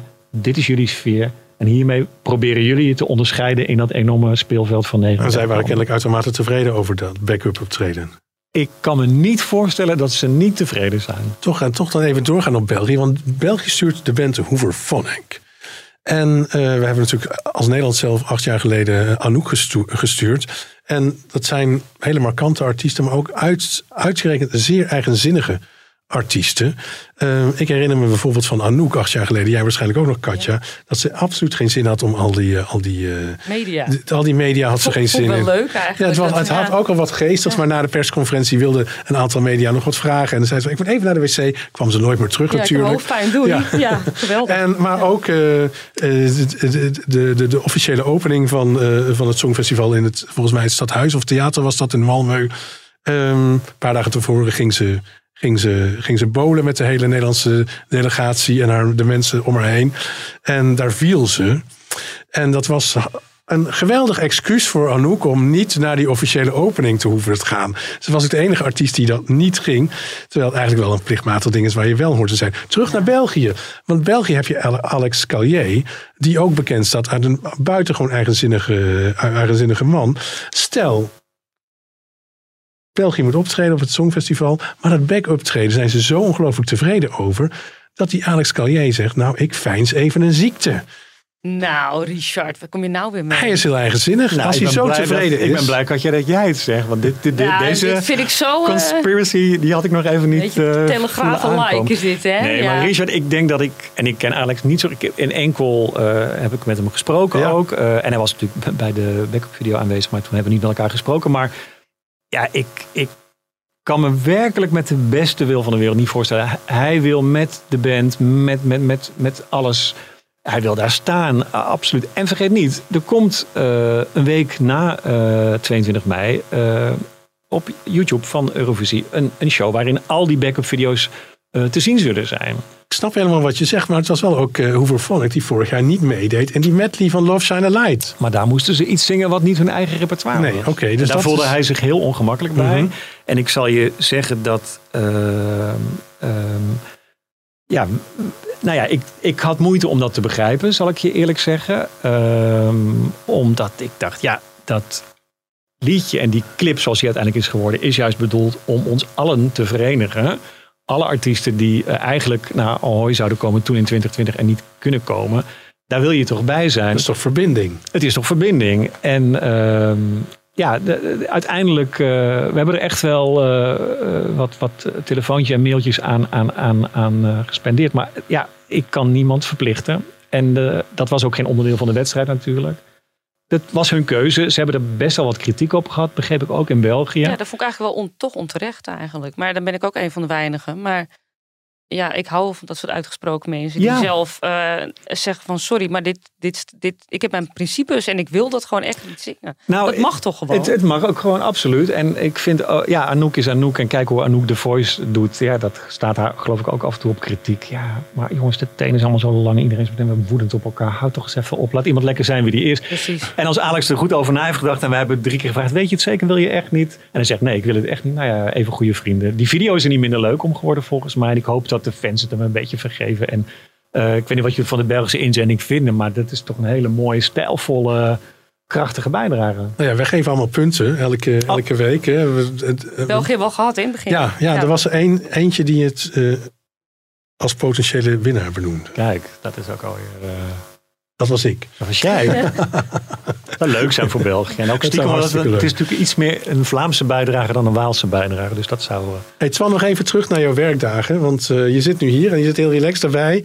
Maar ik denk, je moet gewoon dagen maken van s ochtends 8 uur tot, tot misschien wel s'nachts 2 uur. Ik heb gehoord hè, dat bijvoorbeeld Portugal en Noorwegen... die hebben die backup optredens bijvoorbeeld laten maken... Uh, na de nationale finale, als ik dan wel goed begrepen heb. Dat weet jij beter. Portugal midden in de nacht. Noorwegen was gewoon twee dagen later. Oké. Okay. Ja, ja. Um, wat was je vraag, sorry? Nou ja, wat, hoe, hoe, hoe lang zijn, je, hoe lang, uh, zijn jouw dagen? Zijn. En, en op welke vreemde tijdstippen ben je aan het werk? Nou, ik moet je zeggen dat het eigenlijk nu even nog meevalt. Het is een beetje calm before the storm uh, voor mij. Um, want iedereen is bezig. Um, is ruimte in de Ziggo Dome waar uh, alle programmeurs verschillende disciplines, licht, motion, camera bezig is. Uh, is een bedrijf waar alle LED-content wordt gemaakt. In een studio in Amsterdam wordt nu druk gerepeteerd door de stand-in. Uh, dat zijn studenten van dansopleidingen. In Ahoy gebeurt natuurlijk van alles en nog wat. Ons team zit voor het grote deel thuis te werken. Ik werk ook uh, bijna altijd thuis. Dus er is van alles gaande. De mailbox, de contest team mailbox die we gebruiken voor alle landen, die is wat rustiger deze twee weken al. Zag net nog even een mailtje van Australië binnenkomen en een mailtje van Azerbeidzjan binnenkomen. Dus dat, maar dat loopt. Um, ik ben me bewust van dat er misschien weken gaan aanbreken waarbij die tijden die jij net noemt, Richard, uh, dat dat onze werktijden of mijn werktijden gaan worden. Nu is het nog niet zo. Ik hou er ook niet van om dan daar heel interessant over te doen, terwijl het niet zo is. Dus het is vooralsnog relaxed en oké. En uh, de spanning neemt natuurlijk een klein beetje toe, omdat we allemaal zo graag naar Ahoy willen gaan. Dus zondag uh, ga ik erheen en we beginnen maandag met drie technische repetitiedagen. Dat is nog zonder stand-ins en dan nog helemaal niet met delegaties. Maar dan gaan we eigenlijk voor het eerst zelf allemaal zien met alle technische disciplines hoe al die dingen bij elkaar komen. En dat is iets waar ik ongelooflijk als een soort kind wat dan uh, de dag van zijn verjaardag mag gaan kijken wat voor, verjaardag, wat voor cadeautjes er allemaal staan. Ja, hoe gaat het allemaal werken? Jongens, we zijn er eigenlijk bijna twee jaar op aan het wachten. Dus uh, laat maar komen. Hey, waar het niet spannend is, uh, zijn de boekmakers. Hier die boekmakers. Ja, Ja, elke week toch even een blik werpen op die boekmakers. Het blijft gewoon saai. Eén Malta, Frankrijk, Zwitserland, Italië, Bulgarije en Zweden daarachteraan. België op een twintigste plek en Nederland op een 36e plek. Alleen Griekenland. Griekenland komt ineens de top 10 binnen. En Katja, ja, ik weet het niet, maar volgens mij heb jij dat op je geweten. Hebben wij dat niet allebei op ons geweten? We maken samen deze podcast. Oké, volgens oké, mij. oké. Dan heb ik het ook op me geweten. Maar jij bent net Maar- ietsje meer. Maar het is heel goed dat Twan hierbij zit, want die heeft er ook mee te maken. Ja, Zeker, met Griekenland heb ik enorm veel te maken. Ja, nou ja, We kwamen door Wat- uitspraken van Twan op een item twee weken geleden in onze podcast. Klopt. Twan, maar dat heb jij net ook al verteld. Ja. Eh, er was een land, zei jij, waarvan je eerst dacht, nou, geen hoogvlieger. Maar dat was niet Griekenland waar ik het over had net. Oh, Die, zat nou, niet, die zaten niet in mijn hoofd toen ik dat vertelde. nee. nou, daar gaat het helemaal nergens over, maar dat maakt niet uit. Ik ga gewoon door Ja, met mijn verhaal. Moet je altijd doen, zeker. Kom maar op. dit wordt heel grappig, dit. Maar ehm, dat verhaal had jij dus ook in het AD verteld. Eh, hè, dat viel me op en het kwam uit een gymzaaltje in Europa. Vervolgens neem ik contact op, ik ga nu namen en toenamen noemen, met de beheerder van de, voor de website eh, eurovisionfan.com, een Griekse eh, fanwebsite. Ja. Ehm, ik legde hem die uitspraken van jou voor en die zegt, ja hoor, ik kan jou bevestigen dat het om Griekenland gaat. Oh, hij ligt heel mijn deuk. Oké. Let op. Ja. Ik vertel dat hier. Ik ben dus half Grieks. Dus ik werd eh, semi-enthousiast. Nou, semi, ik werd nogal enthousiast. Ehm, dus ik eh dolblij vertel ik hier die bevestiging. En eh, vervolgens ging ik hardop fantaseren wat dat dan had kunnen zijn. Dat heb ik erbij gezegd. Dat ik daarover eh, fantaseerde. Toch, Richard? Ja, zeker. Ja, ik heb gezegd, dit is mijn fantasie. Dus ik ging los op de Griekse mythologie. Hè, Stefania gaat misschien wel vliegen op Pegasus. We hebben nog de hypocrine. Dat is zo'n zo'n zo'n soort water, maar water mag niet. Dat is een soort, een, eh, ja, dat is in de mythologie een, soort waterval die, die, eh, die dat paard veroorzaakt. Afijn, ik ging los. Ehm, toen werd ik vorige week een bericht van een vriend van mij.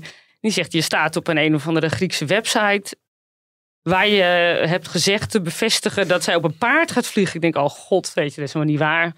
Nou goed, ik wuifde dat een beetje zo weg. Ik heb ze nog wel een mailtje gestuurd dat ik dat helemaal niet gezegd heb. Niks meer gehoord. En toen kwamen er op andere websites eh, eh, de Telegraaf podcast voorbij. Stond erin eh, Rusland, Portugal, Spanje zag ik voorbij komen. Ik ging er een discussie met een, Spa met een Spanjaard op Twitter. Maar die zei dat mijn Spaans niet goed genoeg was. En toen, vrijdag geloof ik, kwam het op Wiwi-blogs. Ja, ineens een bericht op Wiwi-vlogs. Nou, Dat, dat dat Griekenland stijgt bij de pols. Doordat in een podcast uit Nederland is gezegd... dit en dat. En dat is jullie podcast? Ja. Oh, Ja. ja. Oh, dan moet Ja. wel echt op mijn woorden gaan letten nu. Ja, en toen vervolgens kreeg ik, eh, eh, wat was het, zaterdag kreeg ik berichten. Alpha Channel en, en Star Channel, dat zijn twee grote commerciele kanalen in Griekenland. Die hadden ook laten weten, een podcast van de Telegraaf, die hebben gezegd dit en dat. En daarom staan wij nu lekker hoog in de pols. En toen dacht ik, mensen, waar gaat dit over? Dus is, dat. ehm, maar nou, zo, zo simpel gaat dat dus. Dat is, eh, maar goed, dat, het was dus niet Griekenland. Nee, het was echt oprecht niet Ik ga nu Griekenland. door de grond, dat snap je wel. En mensen moeten hun inleg nu maar terugvragen. Griekenland daalt in de peilingen. Volgende week. Hier zal mijn moeder niet blij mee zijn natuurlijk, maar goed.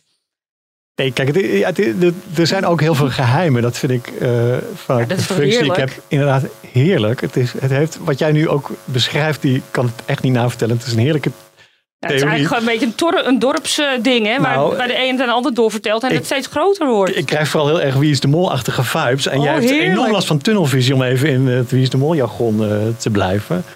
Griekse tu- tunnelvisie. Precies dat, ja, precies dat. Ja. Maar het Nee. is, ja, We hebben wel met Griekenland, het is een land eh, wat bijvoorbeeld eh, vrij snel ook weer contact met ons op zocht. Dat deden ze vorig jaar overigens ook. En ja, ze hebben een element wat absoluut bijzonder eh, is. Dat is zeker waar, maar ja, daar houdt eh, helaas op nu, eh, voor nu het... eh laten we zeggen dat er nog meer kleine gymzaaltjes in Europa zijn. Absoluut. Die zijn er zeker. Die zijn er heel sluiten we veel. hiermee af Die dan. zijn er heel veel, ja. Gaan we verder met Duncan, Duncan Lawrence. Hij is eh, binnengekomen in de Billboard Hot 100. Eindelijk. Ja, we hadden het al een paar weken. Ja. zat hij op de drempel, zeiden we ook tegen elkaar hier in de podcast. eh, en hij is binnengekomen op nummer 100.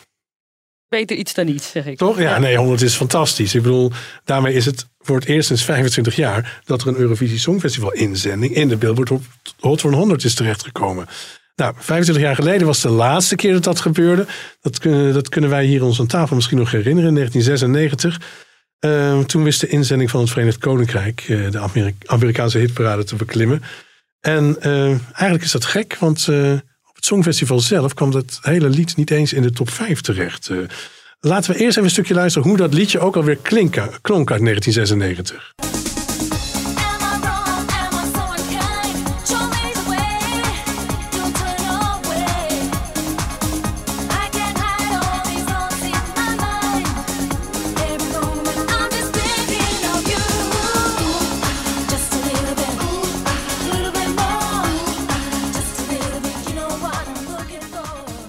Ja, Gina G eh, was dat. In dat Eh, hele korte jurkje toen, waar iedereen ja. het over had. Ja. Maar ook, eh, ook voor Hagel trouwens, dat is ook wel geestig. En misschien overeenkomst met Duncan. Dat het weken heeft geduurd, pas in 1997, dat ze die Amerikaanse eh, Hot 100 binnenkwam. Heeft het daar wel heel goed gedaan. 30 weken en hoogste positie nummer 12. Dus het is echt een knoepert van een hit geweest in de Verenigde Staten. En nou ja, laten we hopen dat het met Duncan ook zo gaat. Dat hij de komende 30 weken gebeiteld zit. Het duurt even, maar dan heb je ook wat. toch? En hopelijk Ja. gewoon de top 10 haalt ook. Dat is toch veel mooier, dat, lied- dat liedje eh, Arcade. Dan eh, gaan we door met eh, de te bespreken inzendingen. Elke week bespreken we vijf inzendingen voor het Songfestival in Rotterdam. We zijn begonnen bij de A, gaan door naar de Z. Albanië zijn we begonnen. En we zijn inmiddels aangeland bij de M. Vorige, vorige week zijn we gesloten bij, bij Litouwen. En we gaan zo dadelijk verder met... eh, met Malta. We gaan voor nu eventjes kort afscheid nemen van, eh eh, van Twan. Dankjewel. Ik wil je dadelijk nog wel eventjes nog wat andere vragen stellen. Maar we gaan eerst samen met Johnny. Die moeten we even gaan halen. Johnny van Riel, een van onze juryleden. Die gaan we even binnenloodsen. Om die vijf inzendingen even te gaan bespreken.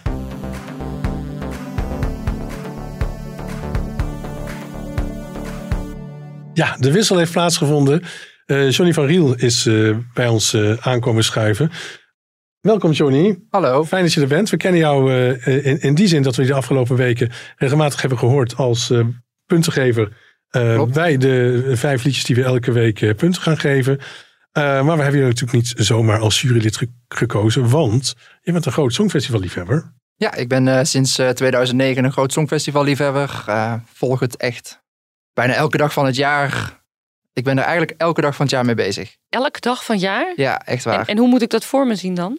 Nou ja, na het Songfestival dan wordt het natuurlijk wel wat rustiger. Maar ik volg al het nieuws vanuit het gastland over eh, de organiserende stad, over het proces, ehm, over landen die aankondigen dat ze meedoen. En ja, ik ben er echt elke dag mee bezig. Een dagtaak, eh, heb je ook nog een tijd voor andere dingen dan? Ja, zeker. Ik eh, schrijf in mijn vrije tijd eh, kinderboeken. Daar ben ik mee bezig. En eh, ik sta zelf voor de klas als docent natuurkunde en wiskunde. Op een middelbare school? Op een middelbare school, ja. Ja. En dan, eh, de, hoe vaak bezoek je dan zo'n songfestival als je zo vaak mee bezig bent? Ik ben er nu drie keer geweest. Ik ben in 2011 in Düsseldorf geweest, 2013 Malmö en 2016 in Stockholm. Heb je ergens nog een leuke herinnering aan? Ja, ik kan het eigenlijk bijna niet vertellen, maar het is ehm, heel gênant. Nou, niet gênant, maar goed. Wij waren in 2013 in Malmö en ehm, wij hadden de generale repetitie bezocht. En wij stonden toen voor het podium, hadden echt prachtige plekken. En wij hadden toen eh, voor de finale ook kaartjes, maar dat was achter het podium en achter de lichten. Dus dan keek je gewoon naar een tv. En toen zijn wij met het kaartje van de generale repetitie zijn we binnengekomen bij de finale. Dus stonden wij alsnog voor het podium. Want er was maar één woordje op het kaartje anders. En mijn vader had zijn, eh, zijn duim erop gehouden. Mhm. En toen zijn we zo de zaal ingelopen. Er maar wel vooraan gestaan. eh, Was het waard? toch? Ja, dat is Ja. gewoon eh, voor het eerst sinds tijden dat Nederland weer in de top 10 eindigde in dat jaar. Ja, met Anouk. Ja. ja.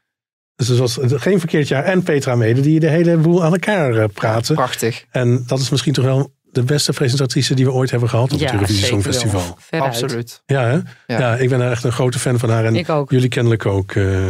Hey Johnny, ehm, we gaan vijf landen deze week eh, bespreken. Dat Ja. zijn Malta, Moldavië, Nederland, Noord-Macedonië en Noorwegen. We gaan beginnen bij Malta. We volgen gewoon keurig het alfabet. En Malta stuurt de 18-jarige zangeres Destiny. Zij lijkt hoog in te zetten met haar inzendingen eh, dit jaar. En zelfs de afgelopen week, dat heb jij ongetwijfeld gezien dan, nam ze nog een versie van haar inzending op met een eh, groot orkest.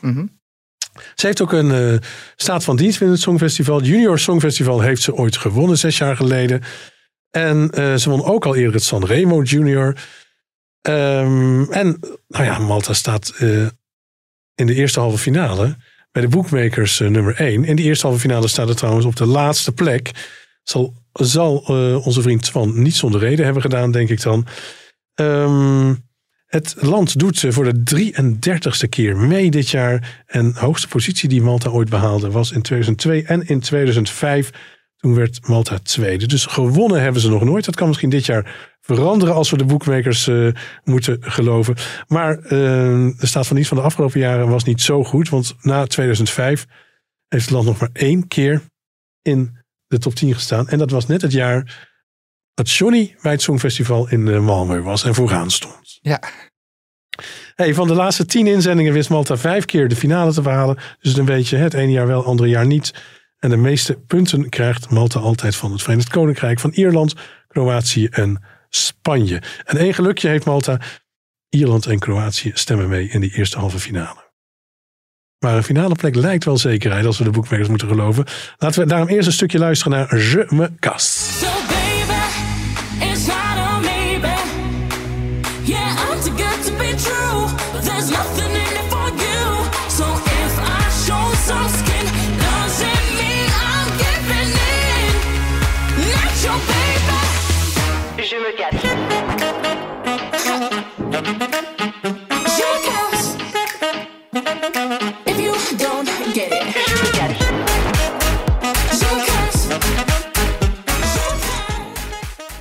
Ja, Je me casse, eh, professionele inzending. Tenminste, zo klinkt het.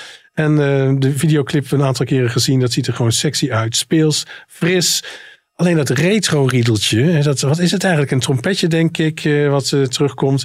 Dat komt me zo bekend voor, alsof ik dat al heel veel eerder heb gehoord. En waar heb je dat eerder gehoord? Ehm Songfestival inzendingen misschien van Moldavië? Ja, daar heeft het wel wat van weg. Ja, Ja, dat klopt, wel, ja. dat is, eh, ik denk Maar van... Alleen omdat het een saxofoon is, denk je dan meteen, Ja, nou, wordt het misschien één pot nat voor mij, joh. dat is waar. Ja, het, ehm, maar ja, goed, als ik het geheel hoor en zie, dan denk ik van ja, ik begrijp wel dat dit een hoge klassering wordt eh, toege- toegedicht. Maar voor een winnende inzending, ja, dat kan wel, kan niet. Ik twijfel daar nog, eh, nog even aan. Al met al, ik vind een liedje met een lekkere beat en ook een zangeres met echt die, behalve goed kan zingen, ook een enorme persoonlijkheid heeft. Ja, ik twijfel eigenlijk er niet zo aan, want ze heeft inderdaad al heel erg veel op haar naam staan. Ze kan echt heel goed zingen en het komt gewoon meteen binnen. Het- Dit, dit pakt. De eerste keer dat je het hoort, meteen komt het binnen. Je denkt, ja, dit wil ik vaker horen. Dus jij bent heel enthousiast over Ja, dit lied. dit is eh. eh, voor mij een van de drie potentiële winnaars. Oké, dat is helemaal hoog ingezet. Katja? Eh jij zei fris, hè, geloof ik? Ja, begin? fris.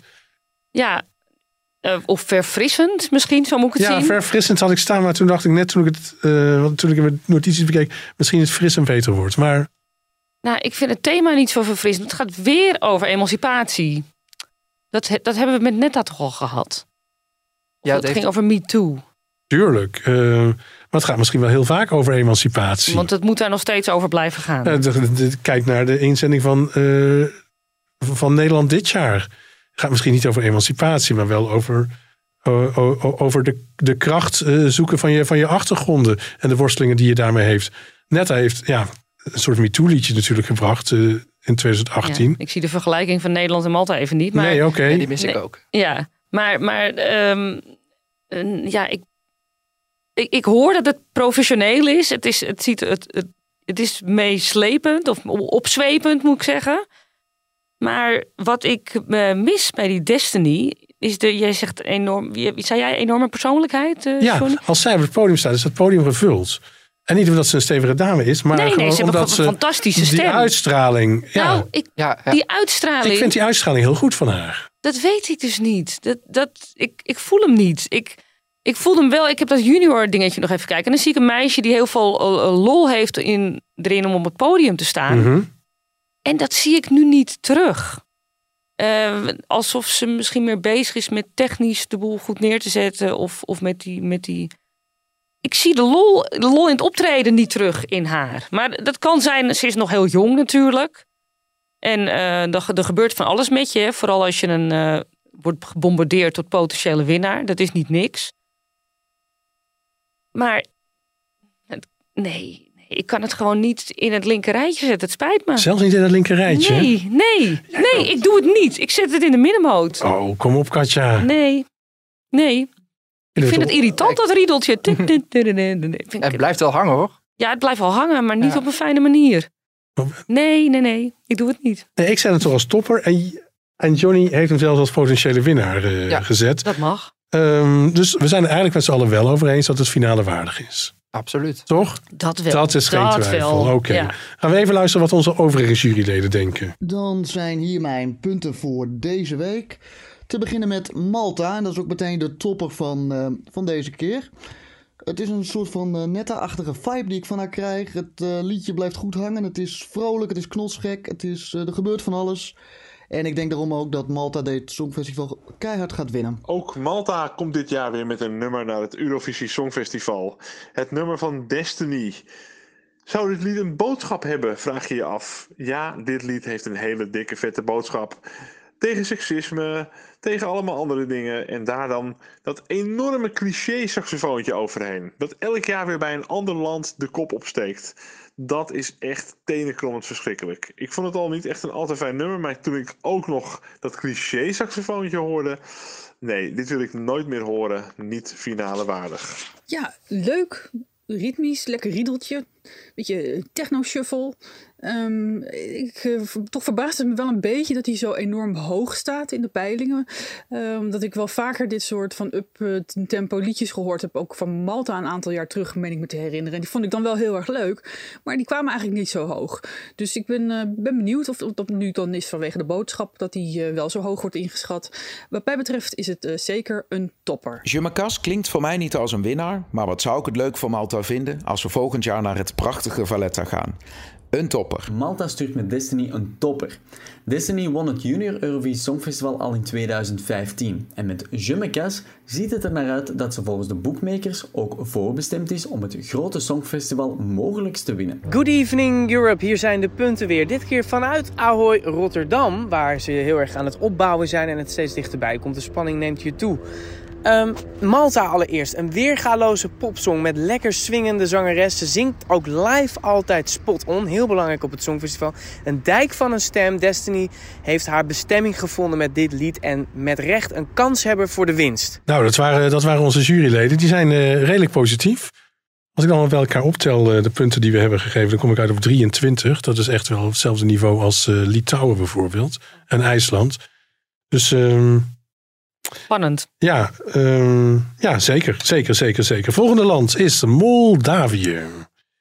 En Moldavië doet voor de zestiende keer mee dit jaar.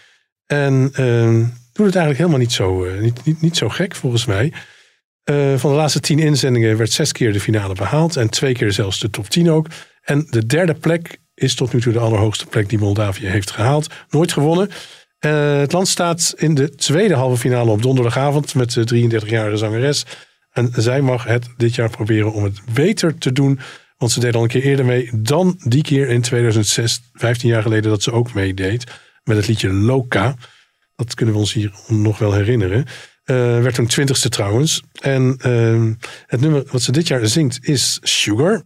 En geschreven door Philip Kirkorov en Dimitris eh, Kontopoulos. Daar is die weer. Ja, daar is hij weer. Ja. Ook verantwoordelijk voor, de, verantwoordelijk voor Stefania, hè? Ja, toch? Maar ook voor Estland. Dat verschrikkelijke nummer uit Estland. Oek- Oekhoefiste heet hij? Ja, precies. Ja. Klopt. Ja. ja. Ja, het is, het is Hij gewoon heeft meerdere gedaan. dus, Eurovisie broodschrijver. eh. nou, laten we even luisteren wat hij voor Moldavië in elkaar heeft gesleuteld.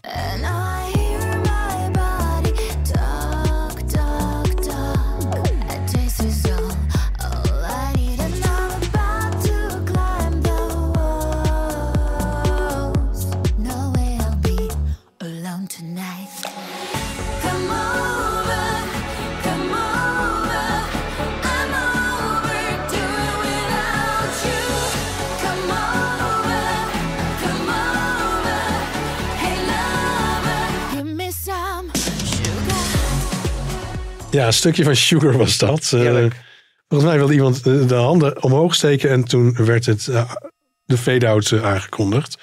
Dus we hadden hier nog eventjes kunnen dansen eh, op Moldavië. Ja, wat vinden we van Moldavië, Katja? Ehm, is dat dezelfde zangeres als vorig jaar? Ja. Met het krijsnummer vorig Prison. jaar. Ach, wat was dat erg. Hij vond het ook vreselijk. Ja, dit ziet Ja. er wat vrolijker uit hè, met die felle kleurtjes in die clip. Eh, ik vind de clip geweldig trouwens, wel lekker fout. en die, die, dansende ijshoorntjes, dat vind ik, word ik allemaal heel blij van. Wat heel grappig is trouwens, kleine anekdote. Een vriend van mij heeft eh, gesolliciteerd naar een rol als ijshoorn in Rotterdam.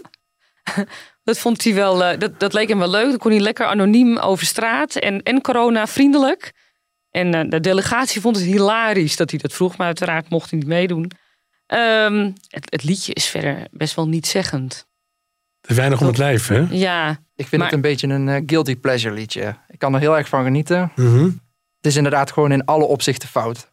De, de kleuren, het- Het is zo zoet, maar ik kan er wel van genieten. Maar het liedje is niet goed fout. Nee, en ik denk dat het bij het publiek misschien niet gaat pakken.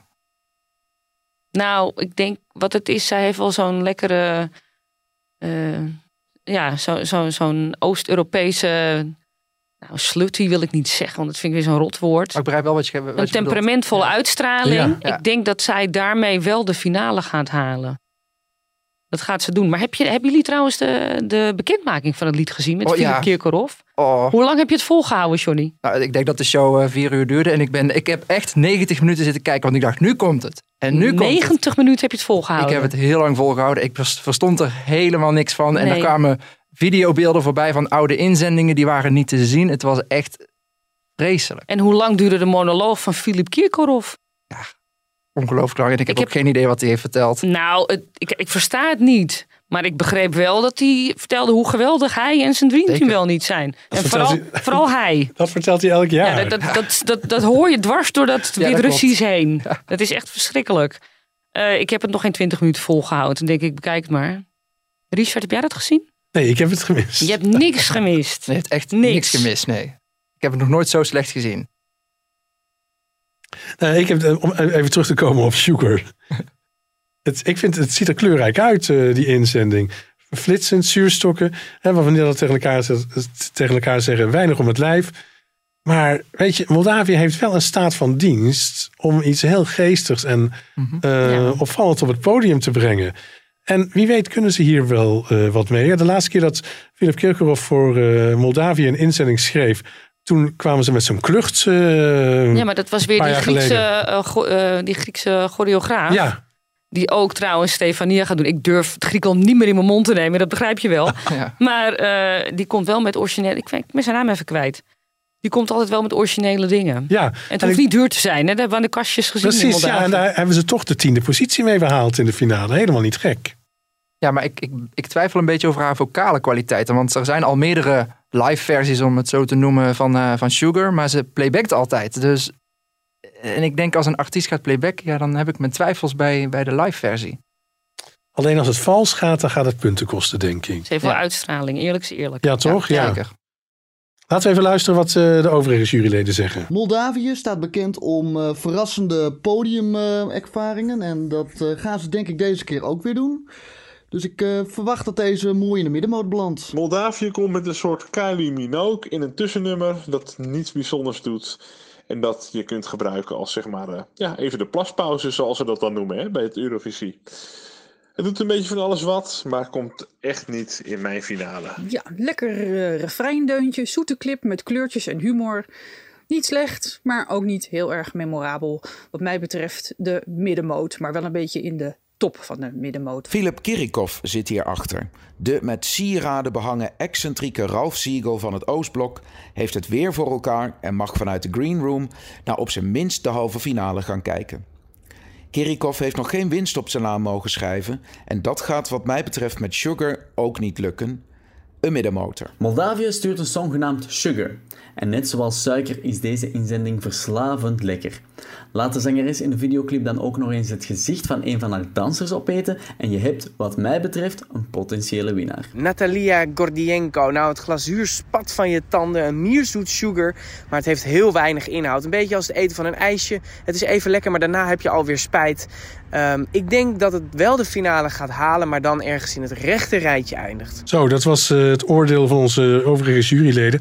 De, we hebben elf juryleden in totaal. We zitten hier met z'n drie aan tafel. De overige acht zijn, ik noem ze eventjes... Jelmer Visser, Edwin Kleijs, Sumit van Lente... Niels Kalkman, Margreet de Heer, Aran Wade...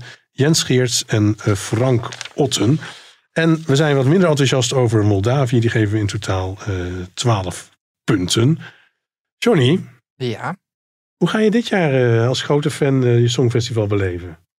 dat is nog een beetje onzeker, want het ligt er natuurlijk aan of ik eh, kaartjes kan bemachtigen. Maar ik ben wel van plan om toch zeker ehm, een aantal keer richting Rotterdam te gaan. Gewoon te genieten van de stad, genieten van de sfeer. Ehm ligt natuurlijk ook een beetje aan wat er toegestaan is. Maar het plan is in ieder geval wel om wel echt Rotterdam in te gaan.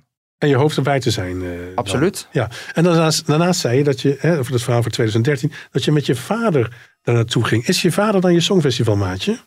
Ja, zeker. Ehm, mijn vader is eh, groot Songfestival-fan sinds volgens mij 1969, toen Lenny Koer won. Oh. En ehm, ik heb een beetje mijn Songfestival-liefde van hem, want hij draaide het altijd in de auto. En ik was toen al heel erg fan van veel liedjes. En pas vanaf 2009 heb ik mijn liefde voor het Songfestival eh, ontwikkeld. Maar dat komt echt door hem. En eh, door hem ken ik ook heel veel oude liedjes. We, eh, ja, ik heb heel veel, heel veel liefde voor het eh, Songfestival. Praat je er ook nog ergens anders over dan het Songfestival samen? Mm, We praten wel eens over andere dingen, maar wel vaak over het Songfestival. Want we delen ehm, lijstjes met elkaar en we bespreken live eh, acts van, eh, van liedjes. En we hebben het er veel over. Dit is wel hoopvol dat je kinderen kan indoctri- indoctrineren Ja, met toch? het Songfestival. Dat vind ik, Jij bent het levende voorbeeld daarvan. Vind ik echt geweldig. Volgende land dat we gaan, eh, gaan bespreken is eh, Nederland. En eh, Nederland stuurt uh, Jean-Guy Macroy met het liedje Word of a New Age. En we doen, hè, we gaan, laten we toch eventjes in de wijvorm gaan doorgaan. Wij doen voor de 61ste keer mee. Vijf keer gewonnen. Dat is echt een, eigenlijk best wel een goede prestatie voor Nederland. En de 27-jarige Jean-Guy eh, is het dit jaar. Hij is op zich geen onbekende muzikant. Hè. Hij heeft al op Lowlands gestaan, North Sea Jazz Festival. Zijn muziek werd zelfs gebruikt hè, voor een reclamespotje van eh, The Game of Thrones, die bekende tv-serie.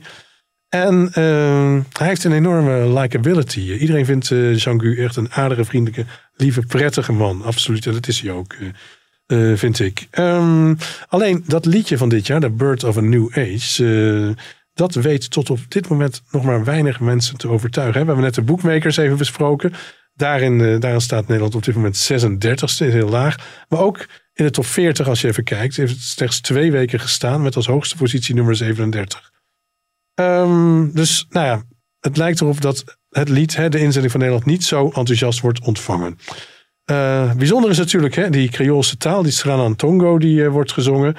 Ehm, de eerste keer dat, dat, dat, dat ik dat, eh, dat, ik dat eh, hoorde, ik zat direct rechtop, zeg maar. Het houdt je heel erg alert en bij dat nummer. Maar goed, dat is voor bij de beoordeling zo dadelijk. En Nederland doet het op zich eh, niet zo verschrikkelijk slecht als je zou denken. Of goed als je zou denken. Van de laatste tien inzendingen wist Nederland zes keer de finale te halen. En van die zes keer stond Nederland wel drie keer bij de bovenste tien. Nou, Nederland gaat dit jaar natuurlijk automatisch naar de finale, omdat we het de vorige keer hebben gewonnen. En heeft daar als startplek de 23e positie. Punten betreft moeten we het vooral hebben van België, Ierland, Duitsland, Frankrijk en Oostenrijk. Laten we even luisteren naar een stukje van Bird of a New Age.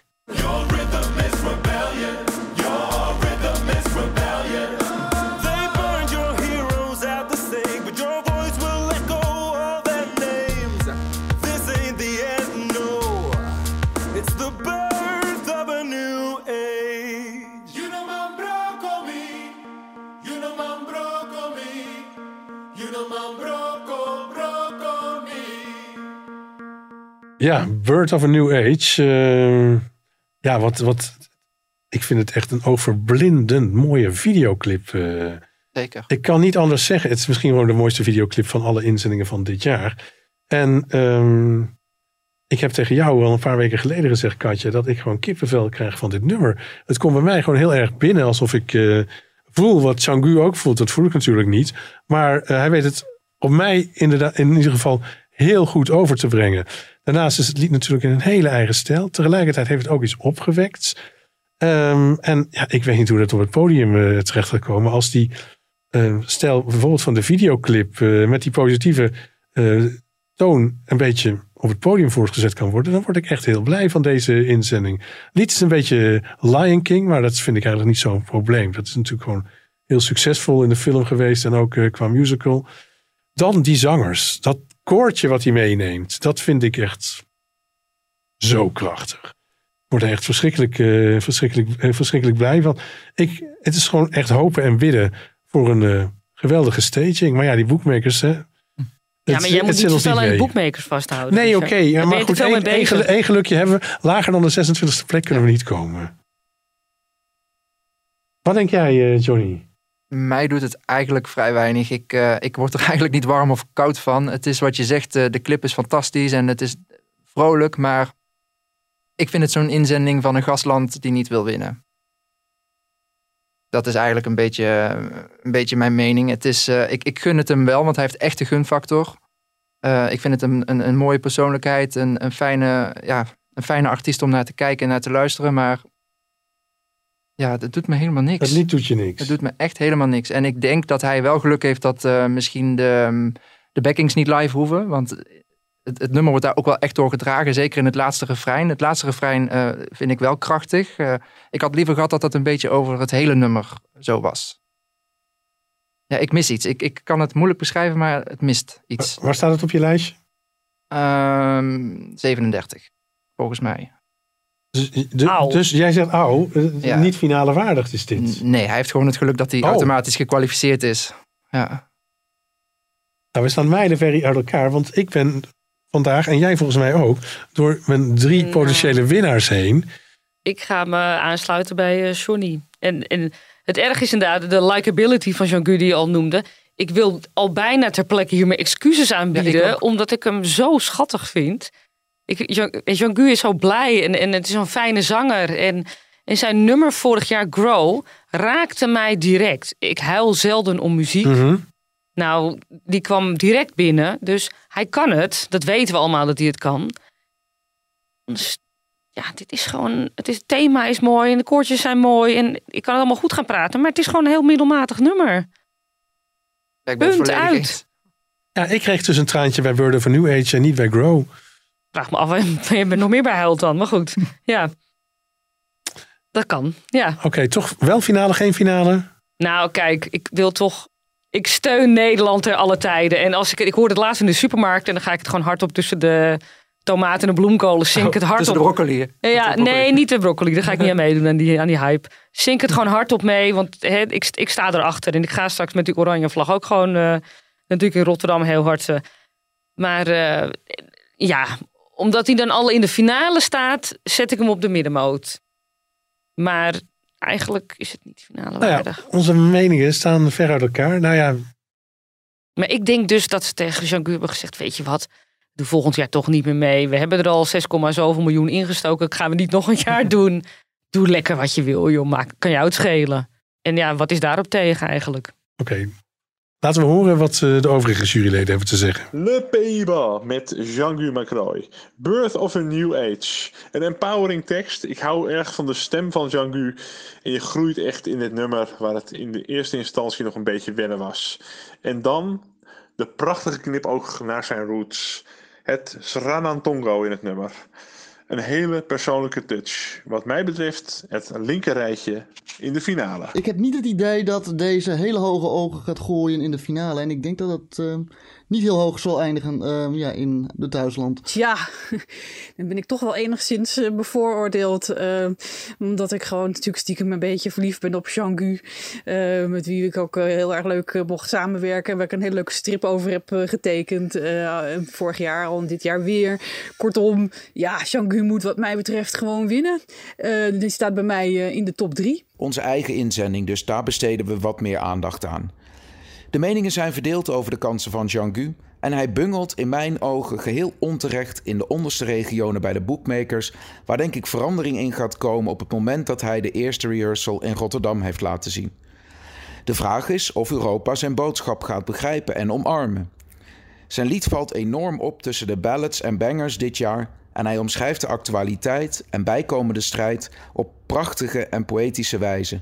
Teksten als ze spuugden op je kroon en vergiftigden je grond en ze begroeven je goden en zetten je gedachtes gevangen zijn van een niveau waar Europa misschien nog niet klaar voor is, maar Jean-Guy wil ook een revolutionair zijn. Hij maakt denk ik een goede kans om de Marcel Benzekan Award voor beste compositie te winnen, net als de Common Linnets en Loreen dat deden. Geen slecht gezelschap om in te verkeren. Jean-Guy behoort tot mijn drie potentiële winnaars. Nederland stuurde vorig jaar het prachtige Grow. Maar mijn liefde voor de nieuwe inzending Bird of a New Age, beter bekend als de Broccoli Song, moet nog wel wat groeien. Het is een goede middenmotor. Jean-Gu ja, wil met zijn Surinaamse teksten de roots en trots van zijn geboorteland overbrengen. Het swingende Bird of a New Age zorgt voor de feest, feestelijke vibe waar een finale op kan bouwen, straks in Ahoy. Of de kijker het zal begrijpen is de vraag. Daar neemt Jean-Gu en de delegatie wel een risico mee. Maar ik denk juist dit jaar kan Nederland een risico nemen. Moeten we ook een risico nemen. Het is iets eigens. Het is iets van zichzelf. Ik ben heel benieuwd naar de act eh, op het podium straks. Eh, we kunnen dit jaar zeker trots zijn op Changu. Finale waardig. En dan gok ik linker rijtje. Oké, dat waren onze juryleden. Ehm, bij elkaar toch niet zo ontevreden als ik de punten welke optel. Dan komen we op 19 punten uit voor Nederland. We gaan aan het einde nog een keer goed op een rijtje zetten. eh, wat onze bijvoorbeeld ja, top 26 zou zijn. Ehm, volgende land is dan Noord-Macedonië. En Noord-Macedonië is natuurlijk een leuk verhaal. Eh, twee jaar geleden kreeg het land de meeste punten van de, jury, eh, van de juries. Ehm, en, en, eh, en ja, dat was echt eigenlijk sensationeel. Twee jaar geleden is ook de hoogste positie ooit gehaald eh, door Noord-Macedonië. Een zevende plek uiteindelijk. En ze sturen dit jaar de 36-jarige zanger Vasil. Eh, nog een relletje twee weken geleden over die, eh, dat kunstwerk in de kleuren van de Bulgaarse vlag. Ehm, ja, en eh, op het podium in Rotterdam heeft hij beloofd hè, dat het er magisch zal uitzien. Ehm, nou, we zijn benieuwd wat dat dan betekent, wat hij onder magie verstaat. Noord-Macedonië doet mee voor de twintigste keer aan het Eurovisie Songfestival. En die Vasil, die stond trouwens ook twee jaar geleden op het podium hè, bij, bij die inzending die zevende werd. Eh, in het achtergrondkoor. En ehm, ja, eh, maar daarbij moet wel gezegd worden, twee jaar geleden was wel een uitschieter. Want eh, van de laatste tien inzendingen van Noord-Macedonië behaalde er slechts twee de finale. In de eerste halve finale moet Noord-Macedonië aantreden. En we gaan even luisteren naar een stukje van het liedje Here I Stand.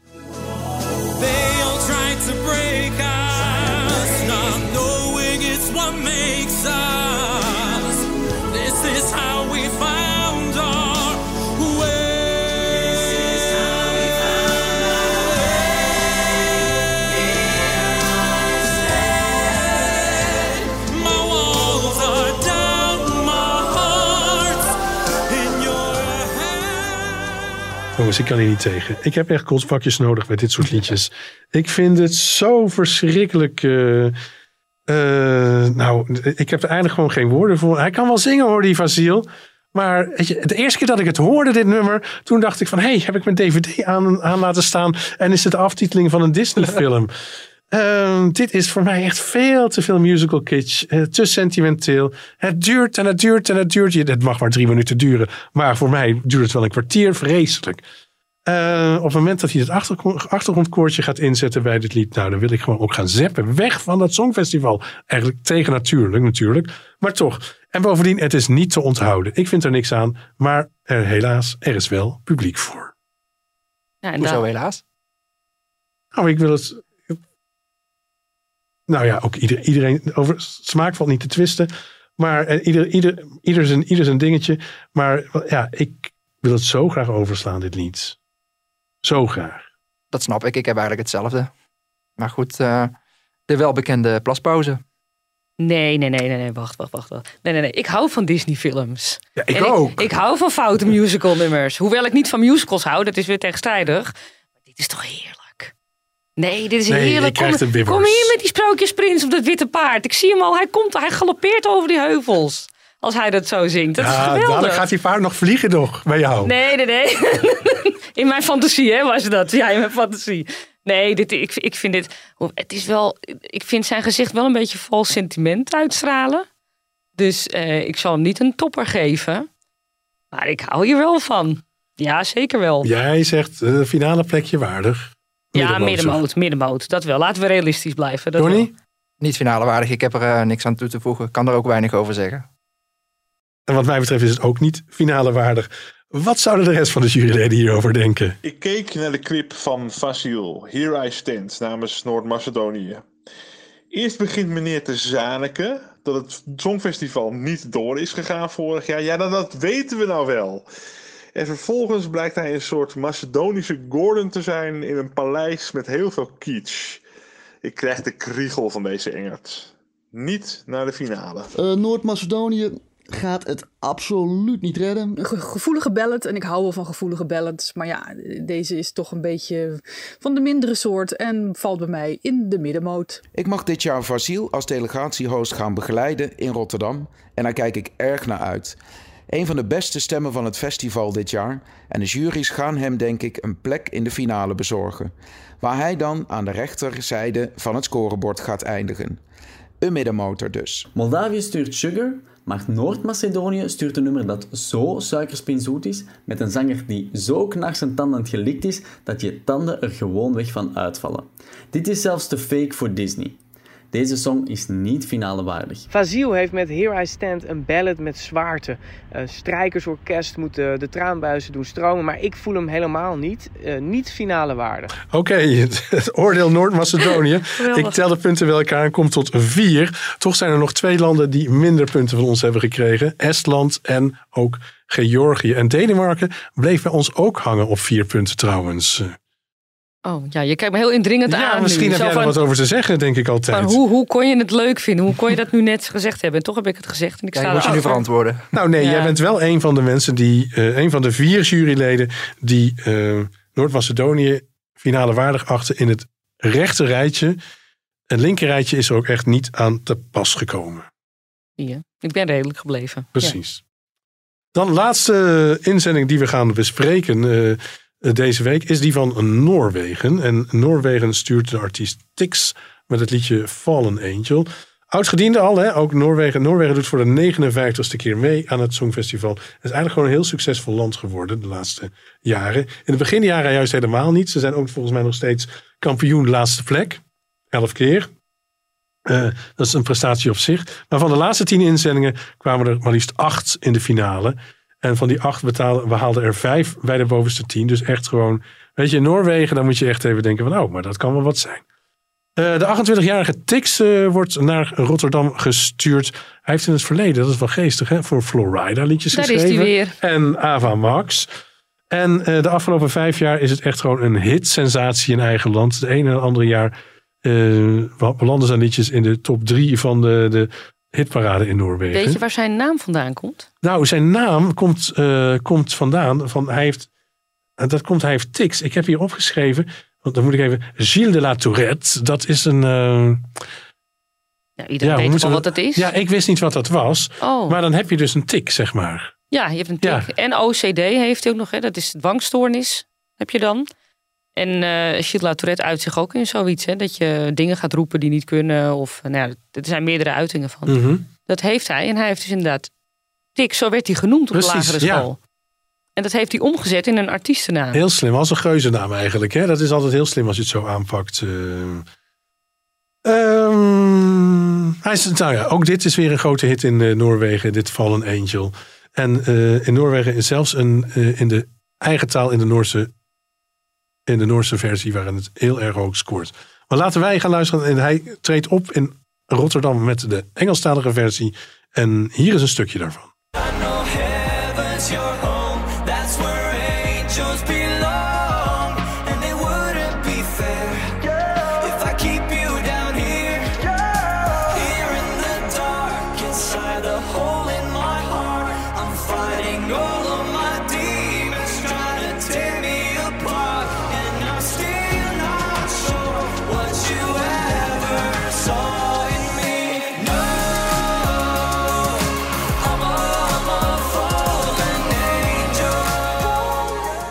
Nou, Johnny.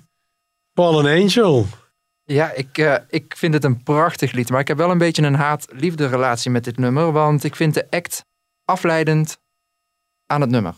Want ja, hij staat er als een engel en dan die demonen die er omheen staan te dansen. Dat doet me vrij weinig en dat, ja, dat leidt heel erg af. Terwijl als ik het nummer gewoon luister zonder de televisie aan, dan vind ik het Mhm. prachtig. Kan ik er echt van genieten. Het is dus radiowaardig, zeg maar. Ja, het is zeker radiowaardig en ik draai het ook heel graag. En ik draai het ook veel, maar zonder de beelden. Oké. Ja. Wat, wat denk je? Wat, hoe staat het op je lijstje?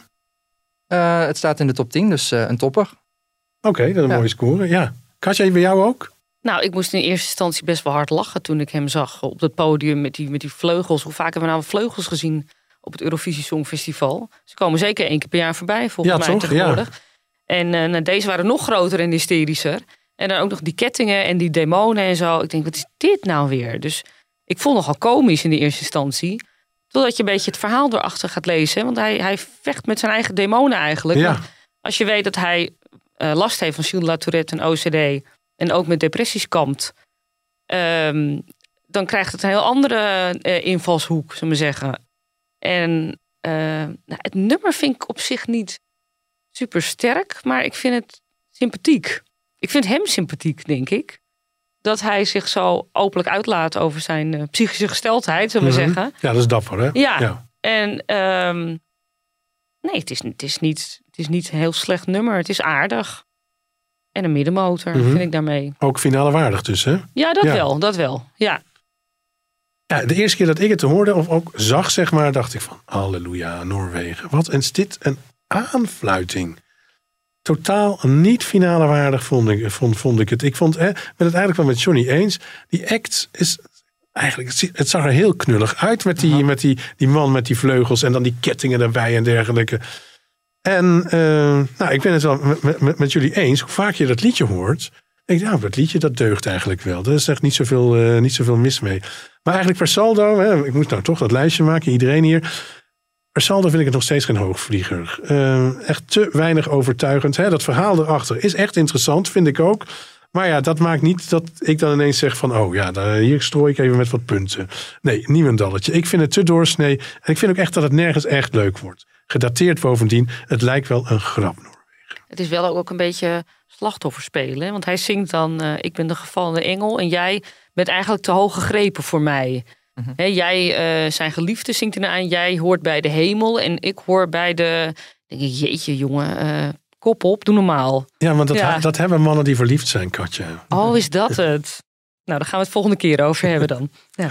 Oké, laten we eerst even luisteren naar eh, wat de overige juryleden hierover zeggen. Want engelen bestaan niet. Ja, het was even lachen toen ik zojuist keek voor de zoveelste keer naar de clip van Noorwegen. Tix met zijn Fallen Angel. Een gevallen engel tussen de demonen op het podium voor Noorwegen. Muzikaal is het in eerste instantie ook niet heel erg in het oor springend. Moet het meer van de visuals hebben. Maar toch doet het eh, net wat dingetjes even anders muzikaal gezien. Als het nummer vordert en meer richting het midden komt.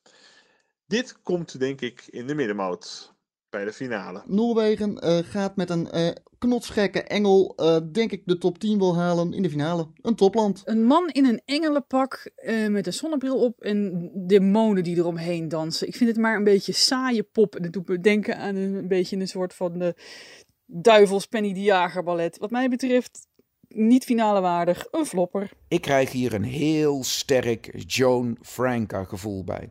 Het lied vind ik intiem en mooi, maar gaat echt niemand binnen de delegatie hem uit die outfit weten te lullen? Ik hou wel van eigenwijze types, dus toch een topper. Dit is nu eens een Backstreet Boys nummer dat me vleugels geeft. De act lijkt weggelopen uit de begin millenniumjaren, maar het is allemaal zo fout dat het briljant goed wordt. Tix is voor mij een potentiële winnaar, because he ticks all the boxes. Ja, we hadden Kaino en nu een Fallen Angel. Maar deze Angel gaat wel vliegen. Tix lijkt straks voor Ahoy te gaan, door Ahoy te gaan zweven. Het gaat om een onbeantwoorde liefde. Maar ik denk dat het kan aanslaan. Eh, let vooral op de choreografie. Daar word ik altijd heel erg lacherig van met, met een paar eh, rare acts eh, om hem heen. Maar dit vliegt door naar de finale en dan linker rijtje. Goed, dat waren de juryleden over de inzending van eh, Noorwegen. En inmiddels is bij ons aan tafel terug eh, Twan van der Nieuwenhuizen. Welkom terug. En wij gaan het eh, uiteraard nog eventjes eh, hebben over wat andere dingen die jij eh, doet. En dat is ja, toch heel spannend eigenlijk. Altijd wat tot veel discussie leidt. Is het bepalen van de startvolgorde van de liedjes van de optredende landen. Eh, eerste en tweede halve finale staan natuurlijk nu vast. Ja. Heb jij een, een, een, een, een hand in gehad? Hoe gaat dat dan en waar let je allemaal op? eh? We zitten met een klein team bij elkaar. En dat doen we een paar dagen nadat we van alle landen, dus die plannen waar ik het eerder over had in deze podcast, kennen.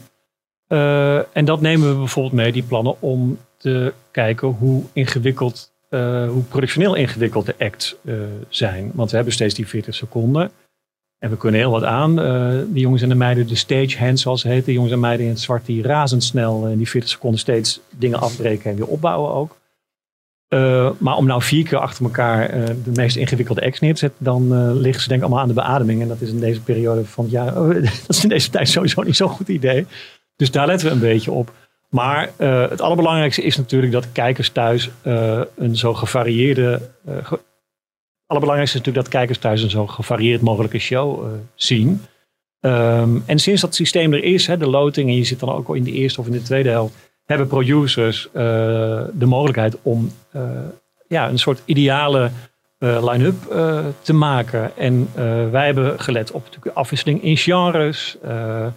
up tempo en ballad wil je natuurlijk een beetje afwisselen. Of tenminste natuurlijk, dat vinden wij eh, eh, natuurlijk. En dat doen we met een klein groepje. Dus eh, Gerben Bakker, Head of Show, is daar ook bij. Onze twee regisseurs zijn erbij. Marnix Kaart en Daniel Jelinek, een Zweedse regisseur is dat. Ehm Emily Stikkingen, altijd eh, Head of Delegation geweest. Zij is nu een van onze executives. Dus met een kleine groep kijken we gewoon naar wat er allemaal mogelijk is. En ja, we gingen letterlijk met, met briefjes aan de muur schuiven en kijken tot we een soort mooie, vinden wij in ieder geval, mooie line-up hebben neergelegd. Spelen die boekmaak, boekmakers nog een rol? Ik ken natuurlijk wel een beetje wat de bookmakers doen. Ik check het zeker niet iedere dag. Eh, en ik, ja, ja, er zijn een paar favorieten. Dat, dat weet ik. Ik kan het niet uitschakelen, laat, ik- laat ik het zo zeggen. Maar ik, ja, ik vind het uiteindelijk voor kijkers oninteressant. En we moeten ook heel eerlijk zijn. Nu zal deze podcast ook voornamelijk door fans van het Songfestival worden beluisterd. Maar echt het overgrote deel van die, laten we even zeggen voor het gemak 200 miljoen kijkers. Ja, die kijken gewoon één avond of drie avonden. Nee, die zien het natuurlijk gewoon voor het eerst. Die zien het gewoon voor het eerst, snap je? Dus ik, ik vind echt. Ik, nou ja, ik, ik, in het begin eh, vertelde ik dat ik altijd met mijn ouders en mijn broertje keek. En ik probeer soms ook letterlijk een, een gezin me voor te stellen wat zit te kijken. Met misschien ook nog een oma die gezellig meekijkt. Wat hapjes en drankjes op tafel, puntenlijstje op En dat gevoel, een echte familieshow. Want dat is het Songfestival bij uitstek, denk ik. Lekker samen kijken, er van alles van vinden. Jij vindt het nummer fantastisch. Ik zeg nou, eh, je bent gek geworden. Dat is het spelletjeselement, het, het, het, het gemeenschappelijke, het verbindende wat het programma brengt. En ik denk dat een goede line-up, waarbij wij er goed over na hebben gedacht in welke volgorde we de show eh, opbouwen, dat dat kan helpen bij het plezier wat je hopelijk als kijker hebt van zo'n avond. Ja, dan toch nog een vraag, want er is altijd een positie 2. En positie 2 staat een beetje bekend als nou, plek des doods. Van die uit, vanuit die plek kun je nooit het Songfestival dat is, winnen. dat is ook weer zo'n fan-ding. Nou, dat is niet zozeer een fan. Er heeft nog nooit een lied eh, vanuit positie Ja, maar 2 dat weet de gewonnen. gemiddelde kijker toch ook niet? Maar wij weten dat, Swan weet dat nu ook. Wanneer zet je een land op de tweede positie? Nou, dat is omdat je dan kijkt wat het beste past naar de eerste positie. Ja, we kunnen de tweede positie. Kijk, je kunt niet, zoals in Amerika vaak gebruikt, gebruikelijk is in een hotel, dat er geen derde verdieping bestaat, eh, dertiende verdieping bestaat. Eh, dat kan niet. Er moet iemand als tweede. Eh, maar andersom, ik zal je zeggen, dus eerste helft, eerste halve finale. Acht landen waar we uit konden kiezen. Ehm, en ik moet je eerlijk zeggen, omdat we de volgorde al wisten, sorry, om- omdat we de loting al wisten, want die bleef overeind staan. Op het moment dat Litouwen zijn nummer presenteerde in eh, een van hun eh, programma's, dit nummer, wat het u- uiteindelijk is geworden, eh, Discotheek van de Roep. Toen dacht ik al, wauw, zij zitten in die eerste helft. Dat zou eigenlijk wel een redelijk ideale opener eh, zijn. Eh, ik vind de groep heel goed. Ze kunnen onwijs goed performen. Het is een lekker nummer. Het is een eigen tijdsnummer. En ik vind het extra leuk dat het nummer gaat over eigenlijk de situatie waar we met z'n allen in zitten. Maar dan op een hele positieve manier. Het is oké om in je eigen huiskamer in je eentje een feestje te bouwen. We gaan lekker dansen in je eigen discotheek. Ja, sorry, dat vind ik gewoon terugkomen na een jaar waarin we er niet waren. Voor het allereerst in de hele geschiedenis van het Songfestival. En op die manier dan de competitie openen. Ja, ik, dat vond ik gewoon bijna no-brainer om het even zo te zeggen. Dus dat presenteerde ik ook min of meer zo in die eh, kleine groep waarmee we toen zaten. En eh, nou, mijn collega's gingen eigenlijk ook vrij snel wel daarin mee. Dus dat is dan, oké, dat gaan we doen. We gaan Litouwen op die eerste plek eh, zetten. En dan ga je kijken, oké, wat is er dan goed om te volgen? Ik kan me voorstellen dat mensen die Litouwen voor de allereerste keer zien, die ook niet weten dat ze vorig jaar ook al best een leuk nummer hadden. Met die gekke man met die kale kop en die leuke dansers. Sommige mensen zullen het misschien eh, als een soort joke entry zien, wat het absoluut niet is, want het zit muzikaal, wat mij betreft, fantastisch goed in elkaar. Maar toen dacht ik wel, dachten we wel, dan moeten we misschien daarna de wat klassiekere songfestival liefhebber. Dacht misschien een beetje aan die oma of de moeder die in de huiskamer zit. En dan past een wat klassiekere ballad, die fantastisch wordt gezongen door de Sloveense zangeres. Met veel, ja, wat meer pathos eh, in om even in Griekse termen Heel te mooi, blijven. heel mooi, ja. Ik denk dat dat een heel mooi contrast is. En dat je dan met deze twee nummers de hele range van kijkers eh, misschien bediend eh, hebt. En dan doen we daarna iets wat in het Russisch wordt gezongen en wat helemaal eh, je wakker schudt en alle kanten op gaat. Ik, ja, zo, zo, zo doen we het. Ik ken natuurlijk dat mantra, twee, de tweede plek en je bent gewoon klaar. Je kunt net zo goed thuis blijven. Ja, dat is natuurlijk ook een klein beetje onzin. En er gaat natuurlijk ooit een land vanuit de tweede positie het heel goed doen en misschien wel ooit het Songfestival winnen. Nou, als goede, als goede oude tijden herleven van de loting misschien wel. Maar als er productieteams achter zitten, acht ik die kans niet zo verschrikkelijk groot. Zijn er, zijn er geen landen die klagen over een startpositie? Nee, ik heb echt nog geen enkele klacht gehad. Er heeft wel één land een mailtje gestuurd om te, beda- te bedanken, maar daar ga ik verder niks over zeggen. Oh, dat vind ik ook heel leuk. Het was een mailtje, jongens. Verder niets. eh, er is geen cadeau meer aangeboden. Of een snoepreisje straks als de eh, grenzen weer Dus je wil het open niet weer groter maken dan het is. Nee. Zeker niet. Nee. Nee, nee. Ik heb eh, geen klachten mogen ontvangen. Er zal ongetwijfeld ergens gemopperd. Of, dat, dat weet ik verder. Mhm. Nou, ik weet natuurlijk, heb jij ook, vijf jaar geleden had Nederland wat onvrede over de derde startplek van Douwe Bob in eh, Stockholm. Ja, dat kon ik me niet herinneren. Ja. Maar dat, ja. Nou, dat hebben, ze niet, dat hebben ze toch wel openlijk gezegd dat ze daar niet, eh, niet eh, tevreden over waren. Het enige wat ik inhoudelijk me daar wel bij kan voorstellen, dat liedje gaat over slowdown. Ja, neem misschien even wat gas terug. Ja, het is best wel gek om dat als derde te doen. Ja, oké. ja. Dat verhaaltje vertel je natuurlijk beter als je al tien keer heel veel geweld hebt gehad. En als dan een leuke jongen komt zingen slow down, dan valt de boodschap misschien van het liedje wat beter. Maar Vandaag de dag na Finland eh, zou dat een goed idee zijn, zeg maar. ja, eh, Zoiets. Ja. Of, of naast Ja, naar bijvoorbeeld. Italië. had je ook nog, ja. Ja. zeker. Ben je nou ook ver- verantwoordelijk voor de puntentelling? Of is dat iets wat eh, bij de EBU hoort? Nee, de, eh, ja, dat wordt enorm goed eh, vanuit de EBU eh, begeleid. En daar zit ook een, een, een, een, een team op wat dat al jaren doet. Eh, helemaal in het begin dacht ik, ah, dat kunnen we toch ook wel zelf doen. Maar ik ben eigenlijk ontzettend blij dat dat eh, niet onze verantwoordelijkheid eh, is. De EBU is natuurlijk de eigenaar van het Songfestival. Hè. Wij zijn slechts de host broadcaster. We hebben de eer en de verantwoordelijkheid om het dit jaar in te vullen. Maar een aantal dingen, daar nemen zij gelukkig hun verantwoordelijkheid in. Dus dat lijkt me ook heel verstandig. Ja. Vak apart. Vak apart, ja. ja, ja. En nou ja, ja, daar kunnen natuurlijk ook dingen misgaan. Alles is live. En nee, ik ben heel blij dat dat eh, niet op mijn schouders rust. Tanswan, eh, we zijn heel erg gezellig aan het kletsen. Maar de tijd is, eh, is ondertussen ook een beetje op aan het raken. Dus eh, Katja en ik willen je verschrikkelijk graag eh, bedanken dat je naar eh, Amsterdam hebt willen komen. Geen dank, met heel veel plezier gedaan. Eh, we hebben aan je lippen gehangen. Ongelooflijk in- leuk, interessant en soms ook geestig verhaal. Eh, dank voor je komst, nogmaals. En misschien zien we elkaar in Rotterdam. Dat, eh, Daar gaan we vanuit. daar gaan we- afstand met een Ja. mondkapje, maar eh, Dat gaat weet. ons ze- zeker lukken. Luisteraars, eh, bedankt voor het luisteren. Ook weer naar deze editie van eh, Songfestival Koorts. En wat mij betreft tot volgende week. Tot volgende week.